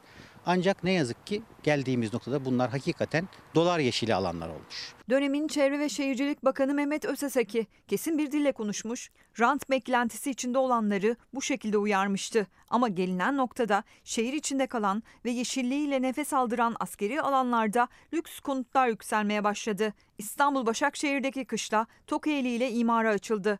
Florya'da eskiden hava lojmanlarının bulunduğu arazide milyonlarca liraya satılan lüks konutlara tahsis edildi. Ranta açılmayacak, yeşil alan olarak kalacak dendi, ranta açıldı. tamamen beton yığını. İstanbul Büyükşehir Belediyesi Genel Sekreter Yardımcısı Buğra Gökçe sosyal medya hesabından açıklama yaptı. AK Parti döneminde İstanbul'da 10 bin futbol sahası büyüklüğündeki askeri alanın ranta açıldığını söyledi. Askeri alanlar şehirlerin aşırı büyümesiyle birlikte içinde kaldılar. Boğuldular adeta. %99'u şehir içinde kalan yerlerin hepsi yeşil alan olacak. Gökçe, askeri alan statüsünden çıkarılan arazilerin 6 adet Gazi Osman Paşa ilçesi büyüklüğünde olduğunu vurguladı. 2023 itibarıyla askeri alanların %46'sının askeri alan ve askeri güvenlik bölgesi statüsünden çıkarıldığını belirten Gökçe, bu alanlarda yaklaşık 700 bin kişinin yaşaması planlandı. Yapımı devam eden ve tamamlanan inşaatların bağımsız birimlerinin %96,5'i konut. Tamamlanmış projelerde 39 bin kişi yaşıyor. Bu projelerin %85'i lüks konut diye yazdı. Şimdi iki haber paylaşalım. Birisi e, Türkiye İşçi Partisi Hatay milletvekili seçildi. Seçildiği günden beri de e, aslında hak ihlali var diye yargı içinde, avukatların camiasında her yerde dillendirildi. Partisi tarafından ve yine muhalefet tarafından dillendirildi. Can Atalay artık milletvekili seçildi ve cezaevinden çıkması gerekiyor. Burada hak ihlali var denilmişti. Anayasa Mahkemesi nihayet karar verebildi. Hak ihlali var dedi. Şimdi artık Can Atalay'ın tahliyesi hızlı bir şekilde tahliyesi bekleniyor. Ankara'nın bugün dikkatle takip edeceği bir buluşma olacak. 4-5 Kasım'daki e, kurultayın öncesinde Kılıçdaroğlu'nun daveti öyle deniliyor kulislerde. Kılıçdaroğlu ve İstanbul Büyükşehir Belediye Başkanı değişimcilerin yüzü e, İstanbul Büyükşehir Belediye Başkanı Ekrem İmamoğlu Ankara'da Ahlatlıbel'de buluşacaklar. Kurultay öncesinde bir zirve gerçekleşecek. Acaba neler konuşulacak? Sonra Cumhuriyet Bayramımızla ilgili haberlere geçeceğiz. Konuğumuz da geldi. Konuğumuz da birazdan e, ağırlayacağız. Yalnız e, yine siyasetteki tartışmasıyla ilerleyelim. Cumhuriyet Bayramımızı biz pazar günü kutlayacağız. Bir gün öncesinde Gazze mitingi gerçekleştirecek Cumhurbaşkanı ve Ahmet Davutoğlu diyor ki 3 haftadır neyi beklediniz de şimdi 28 Ekim tarihinde bu mitingi yapıyorsunuz sorusu bu. E, Bir, bir diğer ağır soru da İyi Parti lideri Akşener'den geldi. Başka gün mü yok? Yazıklar olsun size dedi. Hiç utanmadan Cumhuriyet'in karşısına Filistin'deki mezalimi dikmeye kalkanlar var. Başka gün mü bulamadınız? 28 Ekim'de İstanbul'da yapacağımız büyük Filistin mitingine tüm vatandaşlarımızı davet ediyoruz. İktidar miting yapıyor. Hem de Cumhuriyet'in kuruluşunun bir gün öncesine miting yapıyor. Peki 3 hafta niye beklediniz? Siz keşke Yunanlılar kazansaydı diyenlerin kitaplarını basıp dağıtan bir anlayışa sahipseniz sizin bu memleketi götürmeye çalıştığınız yer çok açıktır. Türkiye Cumhuriyeti 100. yaşını kutlayacak 29 Ekim pazar günü ama bir gün öncesine iktidar Filistin mitingi organize etti. Atatürk Havalimanı'nda yapılacak o miting için muhalefet neden 100. yıl kutlamalarından bir gün önce diye soruyor. 100 yılı geçen kaç tane ülke var merak ediyorum. Bu gururu bize yaşatmamak için her türlü bahane yapıyorlar. Böyle bir muhteşem mitingle dünyaya mesajlarımızı vereceğiz. 29 Ekim'i cümle aleme karşı tek vücut olmak için bir fırsata çevirmek yerine neden bir gün öncesinde paralel bir hat çekip insanlarımızı birbirinin karşısına dikiyorsunuz?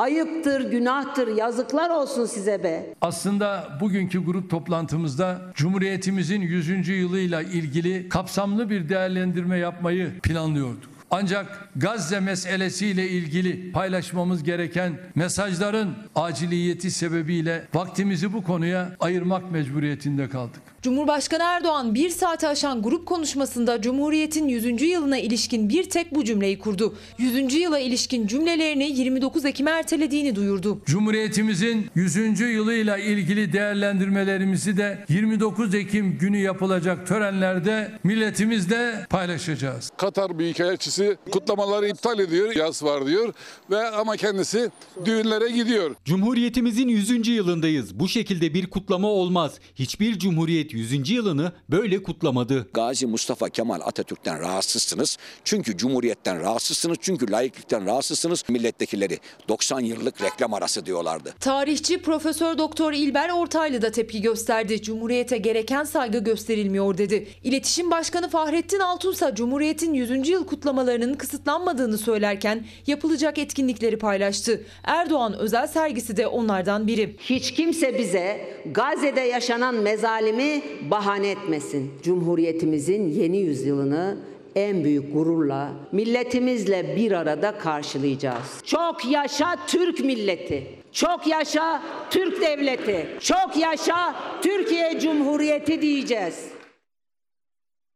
Dünyaya meydan okuyabilen, asla pes etmeyen, vazgeçmeyen, Türkiye'nin önüne hayaller, hedefler koyan ve o hedefler doğrultusunda hayatı boyunca adım atan, milli mücadele, bu milli mücadelenin başında olan, Türkiye Cumhuriyeti'ni kuran Ulu Önder Mustafa Kemal Atatürk, çağının ilerisinde bir lider Ulu Önder Mustafa Kemal Atatürk. Hem e, Atatürk'ü konuşacağız hem de bugün biz Cumhuriyet'e neden çok daha fazla sahip çıkmalıyız onu konuşacağız. Başlığımız işte bu yüzden bugün ve konuğumuz da Ahmet Yavuz. Önce günaydın, hoş geldiniz. Günaydın. Nasılsınız komutanım? Günaydın, çok teşekkür ederim.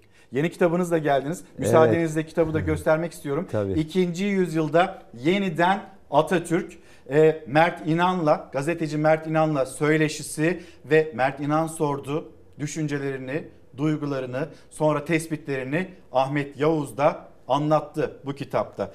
E, komutanım, e, şimdi balyoz mağduru bir komutansınız. Emekli bir generalsiniz ama aynı zamanda e, MEF Üniversitesi'nde liderlik ve strateji dersleri de veriyorsunuz. Bugün yaşadıklarımıza bakarak aslında biz atamıza, biz cumhuriyetimize neden daha fazla sarılmalıyız? Bölgemize de bakarak, Gazze'ye de bakarak bir anlatır mısınız bize? Aynı 19. yüzyılın sonu, 20. yüzyılın başı gibi benzer dönemden geçiyoruz ve o dönemde bizi Atatürk birleştirdi e, emperyalist işgali kırdı. Vatanı işgalden kurtardı ve bir daha Türkiye Cumhuriyeti'nin halkı, Türk milleti benzer bir felaketle karşı karşıya gelmesin diye adına Cumhuriyet dediğimiz ülkenin bağımsızlığını, halkın egemenliğini ve bireyin özgürlüğünü ve eşitliğini sağlamayı amaçlayan bir sistem kurdu e, tam istediklerini elde etme noktasına belki gelemeden aramızdan ayrıldı. Ama onun ardılları olarak bizler bocaladık. Onun yolunu önemli ölçüde terk ettik ve bugün yeni bir krizle, e, bunalımla karşı karşıyayız. Ama bütün bu krizli ortama rağmen ayakta kalabiliyorsak yine onun temellerini sağlam attığı Cumhuriyet sayesindedir. Onun için ona çok şey borçluyuz, çok sahiplenmeliyiz ama daha da ötesi onu doğru anlamalıyız. Çünkü o bir sorun çözücüydü, ee, çağının sorununu çözdü. Bizim önümüzde birçok sorun var ve sorunlar yumağı var. E, bunların üstesinden gelmek için yine onun aklına, onun iradesine, onun gerçekçiliğine, e, onun e, vizyonuna, öngörüsüne e, ve karizmasına ihtiyacımız var. Şimdi bu anlattıklarınızın hepsi çok önemli tespitler. Ee, Türkiye Cumhuriyeti kendi bulunduğu yer dün tarihçi Sinan Meydan buradaydı. Size de selam Öyle söyledi mi? kendisi. Ben de ona buradan Şimdi, selam ileteyim. E, Türkiye Cumhuriyeti ve etrafına baktığımızda her yerde o patlayan silahlar, bir savaş hali, oradan insanlar onların göçmek zorunda kalışı bir barış adası halinde Türkiye bu coğrafyanın tam merkezinde ve atanın hedefi eğer zaruri değilse bir savaş cinayettir yaklaşımı. Yurtta sulh, cihanda sulh yaklaşımı evet. ve tüm bunlar yapılmışken ve e, bu mesajları verirken etrafımıza da baktığımızda kendi içimize baktığımızda kutlamaları erteliyoruz biz. Sonra Altay'a silah arkadaşlarına kıymet ya da minnet hani o yaklaşımı da göstermeyenleri görüyoruz. Bu sizde nasıl bir e, hissiyat uyandırıyor? Ne düşündürtüyor size? Yani bu e, yani insanı isyan ettiren e, bir hissiyat uyandırıyor. E, ama aklı selimimizi korumak istiyoruz. Çünkü verdiğimiz ve vereceğimiz tepkilerle yeni kırıklıklar yaratmak istemiyoruz. Yani bugün onun kurduğu cumhuriyet sayesinde belki önemli bir kısmı da layık olmadığı halde çünkü cumhuriyet önemli ölçüde e, bazı vasıflarını kaybetti. E, liyakat merkezli bir yönetimdir cumhuriyet. Maalesef o liyakat merkezlilikten önemli ölçüde uzaklaştık.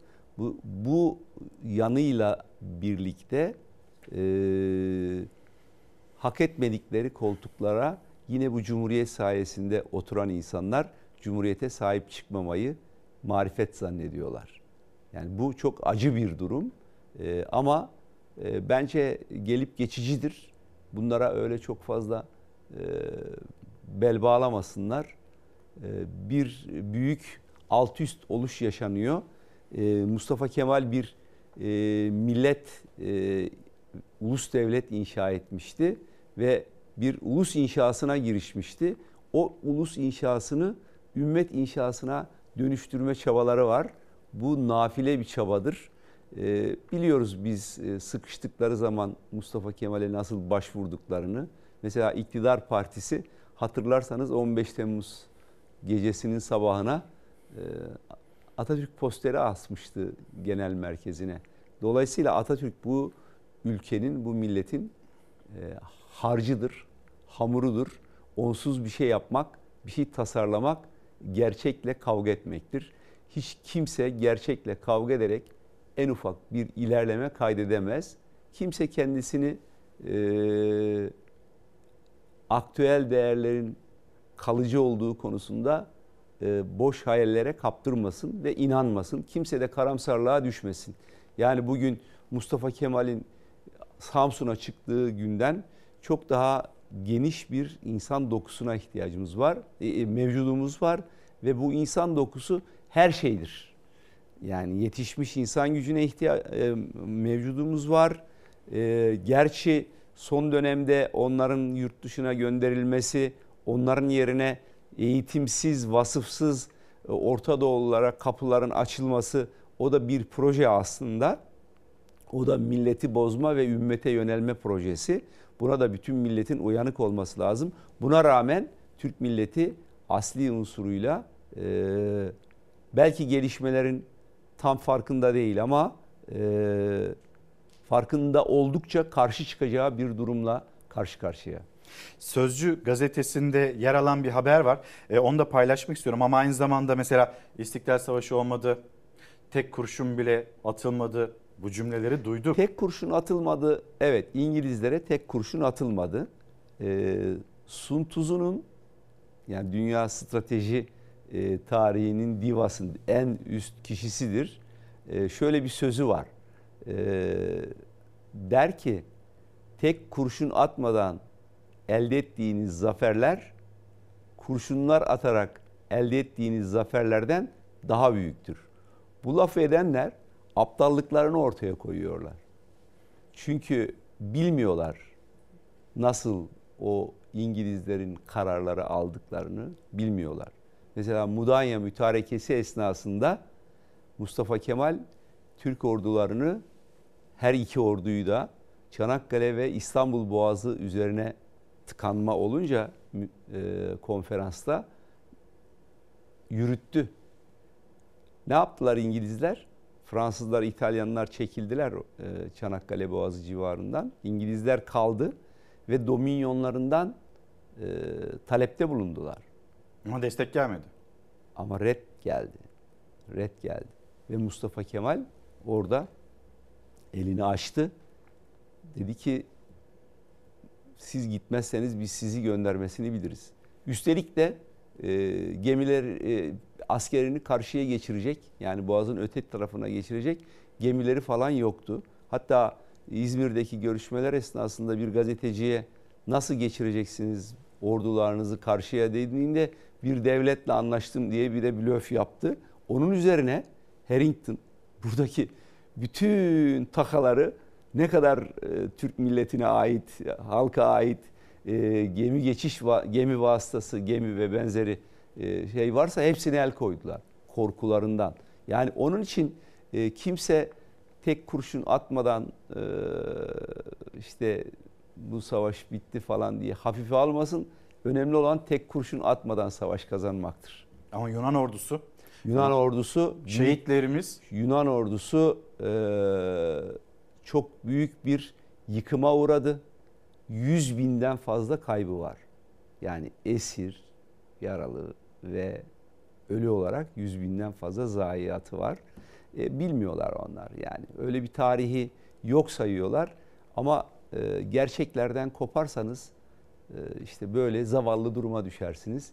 İnkar durumuna düşersiniz. Çünkü ideolojik saplantı içerisine girmişler. O yüzden ama onların çok değerli olduğunu ben şahsen düşünmüyorum.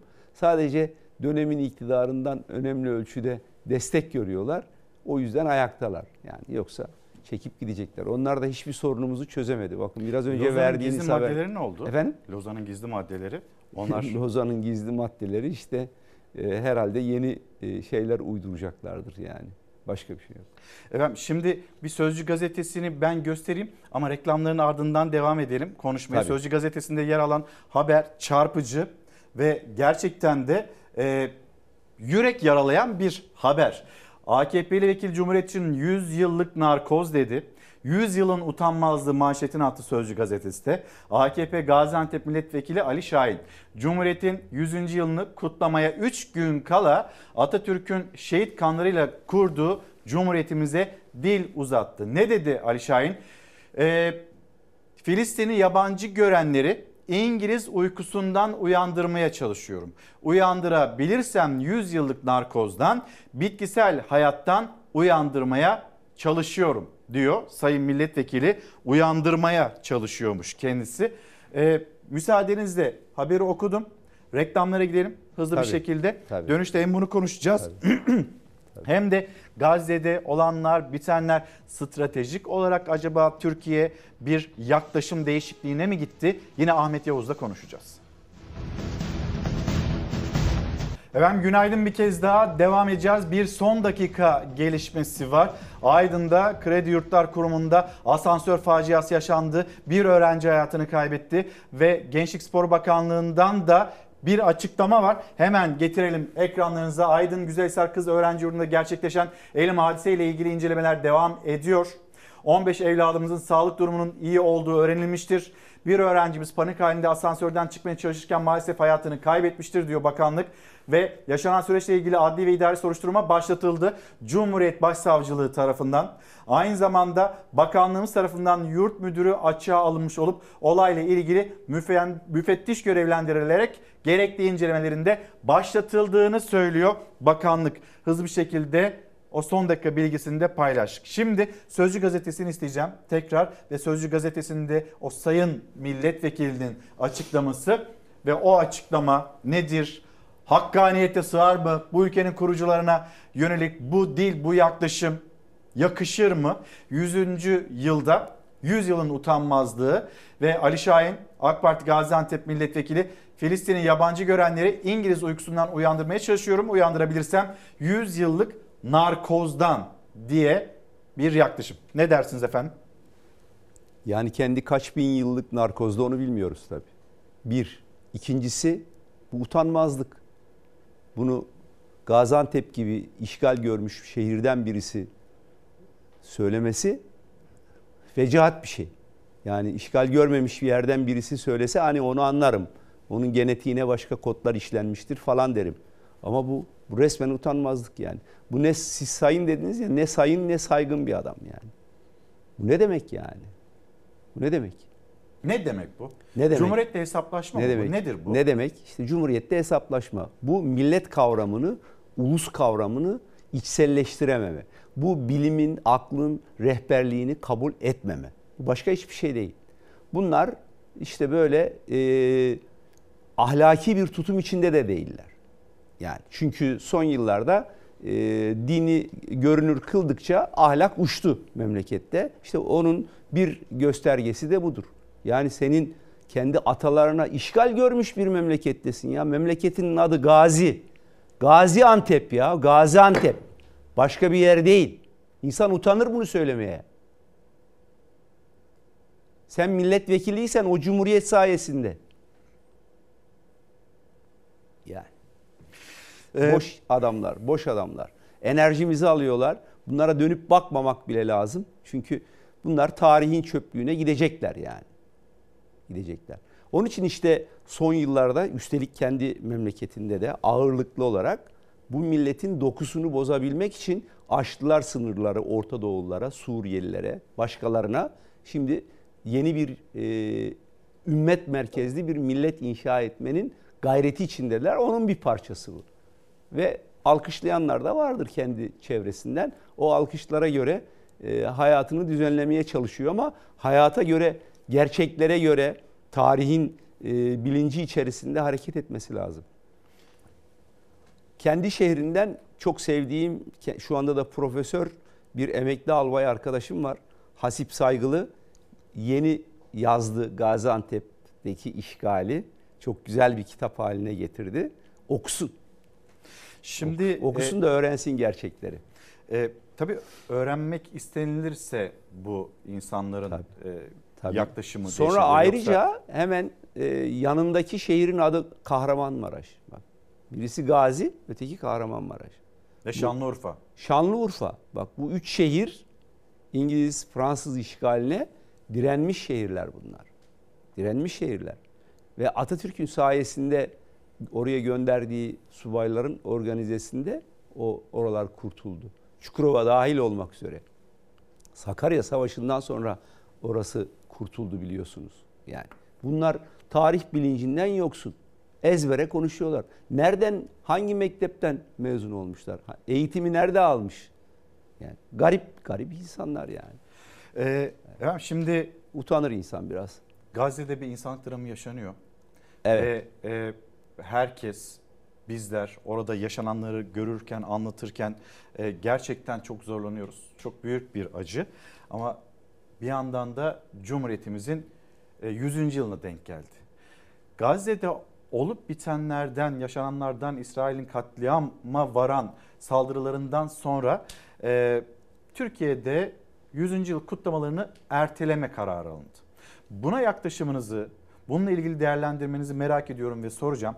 Şimdi e, Şampiyonlar Ligi'nde dünyanın çeşitli yerlerinde tamam ABD destekliyor, İsrail'i sonra e, İngiltere destekliyor, Almanya destekliyor. Bazı ülkelerden de güçlü destekler alıyor ama insanlardan ve toplumdan o desteği görmüyor. Mesela Filistin, Filistin'in yanında olduğunu söyleyen yine milyonlar var. İsterseniz bir Şampiyonlar Ligi, Şampiyonlar Ligi'nde Celtic taraftarı ve Celtic taraftarının vermiş olduğu mesaj tribünden bir izleyelim. Sonra da Türkiye'de iptal edilen, ertelenen o kutlamaları konuşalım.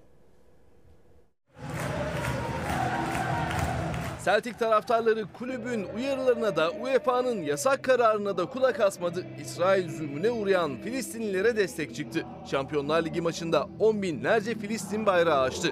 Asla yalnız yürümeyeceksin dedi.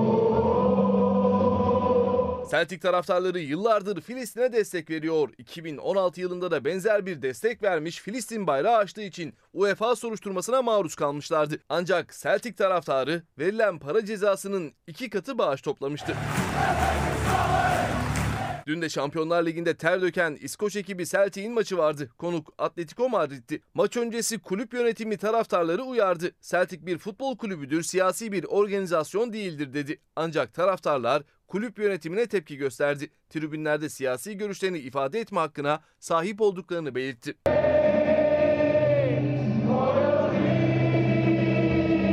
Maç öncesi ve sırasında on binlerce Celtic taraftarı Filistin bayrağı açtı. Filistin'e desteklerini duyurdu. Tribünlerde Filistin için kareografi düzenledi.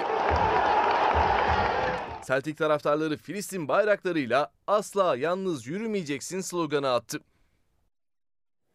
Bir acı var ve herkes bunu kalpten yaşıyor. Ama diğer tarafta da Türkiye Cumhuriyeti'nin 100. yılı ve bunun da kutlanması gerekiyor. Bu ertelemelere ne dersiniz? Son derece yanlış. Yani e, şimdi üzülebiliriz. Tabii ki üzülüyoruz. Bu bir insanlık dramı. Kabul etmek mümkün değil. Protesto ederiz. uluslararası toplumla birlikte hareket ederiz. Nitekim e, İsrail e, Hamas'ın o e, haince saldırısından e, sonra dünya kamuoyunda kendisine yönelik çok geniş desteği kaybetti. Bu ilk günden de belliydi zaten. Bakmayın devletlerin verdikleri desteğe. İşte özellikle bu Ukrayna-Rusya savaşından sonra e, Atlantik'in iki tarafı birbirine yapıştı iktidarlar açısından. E, fakat hayat e, onları bir anlamda kendi halklarıyla da koparma noktasına doğru gitti. Çünkü oradaki savaş da problemli. Çünkü insanların hayatını etkiliyor. Yavaş yavaş bunun bilincine varıyorlar.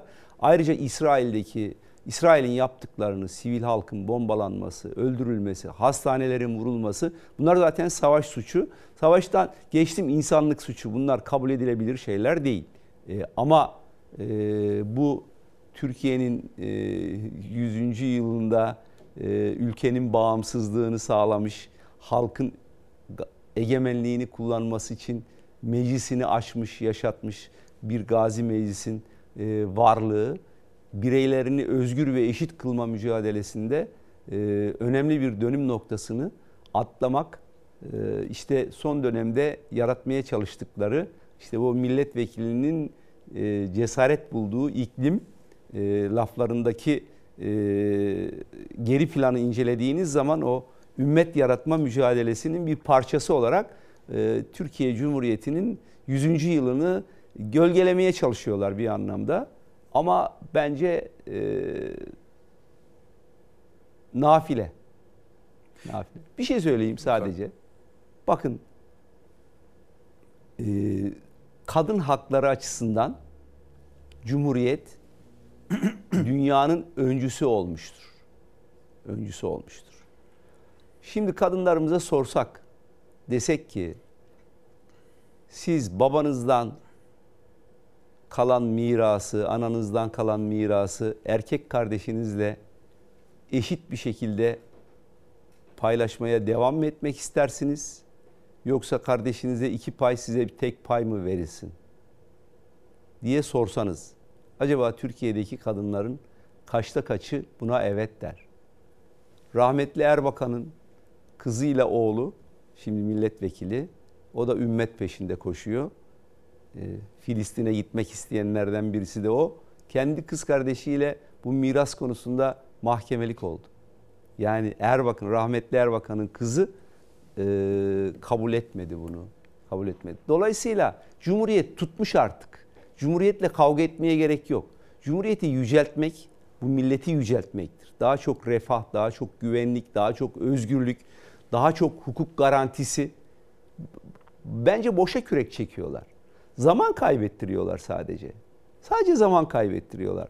Yani Türkiye'nin e, Atatürk'ün belirlediği rotanın dışına çıkması e, sadece zaman kaybettirir. Biz de kaybedilen zamana üzülüyoruz aslında. Yoksa ben 10 sene sonrasını, 20 sene sonrasını görüyorum. İşte bunu ortadan kaldırmak için kapıları açtılar. Bu süreyi uzatmak için. Kapıları açtılar. Ama kapıları açtığınız insanlara da siz bir ölçüde refah vermek durumundasınız. Nasıl vereceksiniz? Üretimle, eğitimle yani bilim ve ahlakla. Şimdi ikisi de e, önemli ölçüde dejenere edildi ama bu yoldan başka yol yok. E, MEF Üniversitesi'nde liderlik ve strateji dersleri veriyorsunuz. Evet. E, Türkiye'nin Gazze'de olanlar İsrail'in saldırılarıyla ilgili başlangıç pozisyonuyla şu andaki pozisyonu arasındaki durumu nasıl görüyorsunuz? Dün Cumhurbaşkanı grup toplantısında e, Hamas terörist değildir, terör örgütü değildir, mücahittir e, dedi mesela. Buna ne dersiniz? Şöyle söyleyeyim, e, ben e, 7'sinden itibaren yani olayın ilk ortaya çıkması, Hamas'ın sivillere saldırmasından itibaren e, çeşitli televizyon kanallarında bu konuda görüşlerimi açıkladım. Hatta e, iki gün önce bile e, şunu söyledim. Hükümetin tutumunu son derece yerinde buluyorum. Aklı selimle hareket ediyorlar. Gaza gelmiyorlar. yani yanılmadım. O zaman öyleydi. Şimdi e, aklı selimi kaybetmiş durumdalar. Çünkü bu işi uluslararası camiayla götürmekten daha meşru, daha akılcı, daha gerçekçi bir çözüm yok. Şimdi siz e, dünyanın terörist... Ha şimdi şunu kabul edelim. Yani e, Filistin halkının haklı mücadelesine sonuna kadar destek vereceğiz. Bu konuda sorun yok. Ama sivilleri öldüren bir e, yapıya, sivilleri hedef alıp öldüren bir yapıya terörist demezseniz Türkiye'de sivilleri öldüren yapıya birileri terörist demez yar. Sizin tezlerinizi haksız bir noktaya getirir. Onun için devlet adamlarının her zaman e, duygularıyla değil akıllarıyla hareket etmeleri lazım. Burada büyük bir yanlış var. Umarım hep gördüğümüz gibi, 10 yıllardır gördüğümüz gibi iç dış politikayı iç politikanın tiyatro sahnesi haline getirdiler ve burada e, zaman zaman işte komedi oynuyoruz, zaman zaman dram oynuyoruz. Bunun bir yansımasında Suriye'de gördük. Suriye'de 2011'de girilen, girişilen yine böyle bir e, Amerika ile beraber girişilen şimdi orada karşıtmış gibi görünüyoruz ama Amerika ile beraber girişilen macera ülkeyi nereye getirdi? Ben bugünkü fakirliğimizin arka planında bir anlamda da Suriye'deki politika var. Ve hala çözmediler, çözmüyorlar. Dün daha 5 milyon alacağız diye bir ifadesi vardı yanlış hatırlamıyorsam. Ee, yani zaten 10 milyonu bulmuş ve sizin e, ülkenizdeki vatandaşınızın e, boğazına giden ekmek küçülmüş. Küçülmüş. Bakın bir iktidarın görevi, iktidarın görevi, ülkeyi yönetenlerin görevi bir halkın güvenliğini, ülkenin güvenliğini, iki halkın refahını, üç hukuk çerçevesinde, anayasa çerçevesinde özgürlükleri garanti etmektir. Biz bu üçünün bileşkesine beka diyoruz. Bakın bunlar e, çok ciddi şeylerdir. E, ama bizim bir takım saplantılı unsurlarımız, biraz da muhalefetin de yetersizliği yani burada onlara da e, gereken şeyi söylemek lazım. Onların da yetersizliğiyle iktidar ne yapsa kabul ettiriyor kendisini ve yürüyor. Ama bunun bir sonu var yani bunun sonu iyiye git gidiş değil. Bu, bu gidiş iyiye gidiş değil. Ee, şimdi süremizin de sonuna Ve şeyi de yok yani siz ne yapacaksınız yani? Yani tamam Gazze halkını, Filistin halkını destekleyin. Yani ne yapacaksınız? İsrail'le savaş mı yapacaksınız? Bu savaşı bölgeselleştirmek, genelleştirmek, daha büyük bir yıkıma ülkeyi e, sürüklemek demektir. Yani bunun akılla izah edilir bir yanı yok. Yani bir de bunun fiziki ortamı da yok. Yani ne yapacaksınız? Suriye'den geçseniz geçemezsiniz. Öyle mi? Evet. Mısır'a çıkarma yapayım deseniz yani birlik sevk edeyim Mısır kabul etmez. Suudi Arabistan kabul etmez, Ürdün kabul etmez. Onların yapmadığını biz yapmaya çalışıyoruz. Bir de 100 yıl öncesini de unutmuş vaziyetteler. Yani o milletvekiline de ben biraz okumasını tavsiye ederim. Şimdi 100 yıl önce e, hatta 100 e, 1918 işte 100, 105 yıl önce e, o Filistin'den geçerken e, Türk askerine yapılanları da unutma. Ayrıca bu Filistin'in hiçbir tezimizi uluslararası arenada bizi desteklemediğini de dikkate almak, dikkate sunmak isterim. Yani hiçbir şekilde yani bu tabii ki bir insanlık dramı durdurulsun ama bunu uluslararası camiayla birlikte yapacaksınız. İşte o Celtic taraftarıyla beraber yapacaksınız. Tabii bunun için mitingler, demokratik mitingler olması öyle taşlı sopalı falan filan değil. Ee, burada yaşayan çünkü Yahudi kökenli bizim Türkiye Cumhuriyeti vatandaşı halkımız da var. Onları da rahatsız etmeyecek şekilde e, Filistin, e, İsrail yönetimini hedef alan tutumlar olabilir, protestolar olabilir. Bizzat İsrail'in içinde zaten Netanyahu'nun politikalarına karşıt olanlar var. E, onlarla birlikte duygudaşlık içerisinde bunu yapmak gerekir. Yoksa e, öbür türlüsü e, macera olur ve e, anlamsız olur. Efendim çok teşekkür ederim. Geldiniz, Ben katıldınız programımıza. ederim. Bu arada tabii Sözcü gazetesinin manşet haberi bir daha gelsin ekranlara ve orada e, Sayın Milletvekili, Gaziantep Milletvekili e, Ali Bey, e, Ali Şahin benim sözlerim çarpıtıldı. Ben buradaki narkozla neyi kastetmek istiyorum onu da anlatmak, izah etmek istiyorum diyor kendisi. E, bu cümlelerinin çarpıtıldığını söylüyor. Elbette cevap hakkı var ve elbette kendisine biz mikrofonumuzu e, mikrofonumuzu uzatacağız ve kendisinin de konuşmasını isteyeceğiz. Çünkü hani bu sözler e, Gaziantep e, milletvekiline yakışmayan cümlelerdi. Zaten ben de öyle söylemiyorum. Benim kastım başka diye bir yanıtı var. Mikrofon uzatacağız Sayın Milletvekiline. Bugün Ama şunu söyleyeyim. Şunu söyleyeyim. Bir milletvekili nerede, ne zaman, ne konuşacağını bilecek. Sokaktaki sıradan bir vatandaş değil bir milletvekili. Yüz binlerin oyunu alıp oraya gelmiş bir insan. Ülkenin çıkarlarını, âli çıkarlarını ve cumhuriyeti korumak ve kollamakla görevli bir koltukta oturuyor mecliste. Gazi mecliste oturuyor. Onun bilinci içerisinde hareket edecek. Öyle keyfi, ben öyle söyledim, böyle söyledim. İki tarafa da e, hani kendi taraftarına yine de, hoş Ha e, tabii cevap siz hakkını cevap hakkı, vereceğiz. Bizim cevap hakkı bu. verelim. Özür dilerse de iyi bir şey olur. Ee, en azından gerçeğe yaklaşmış olur.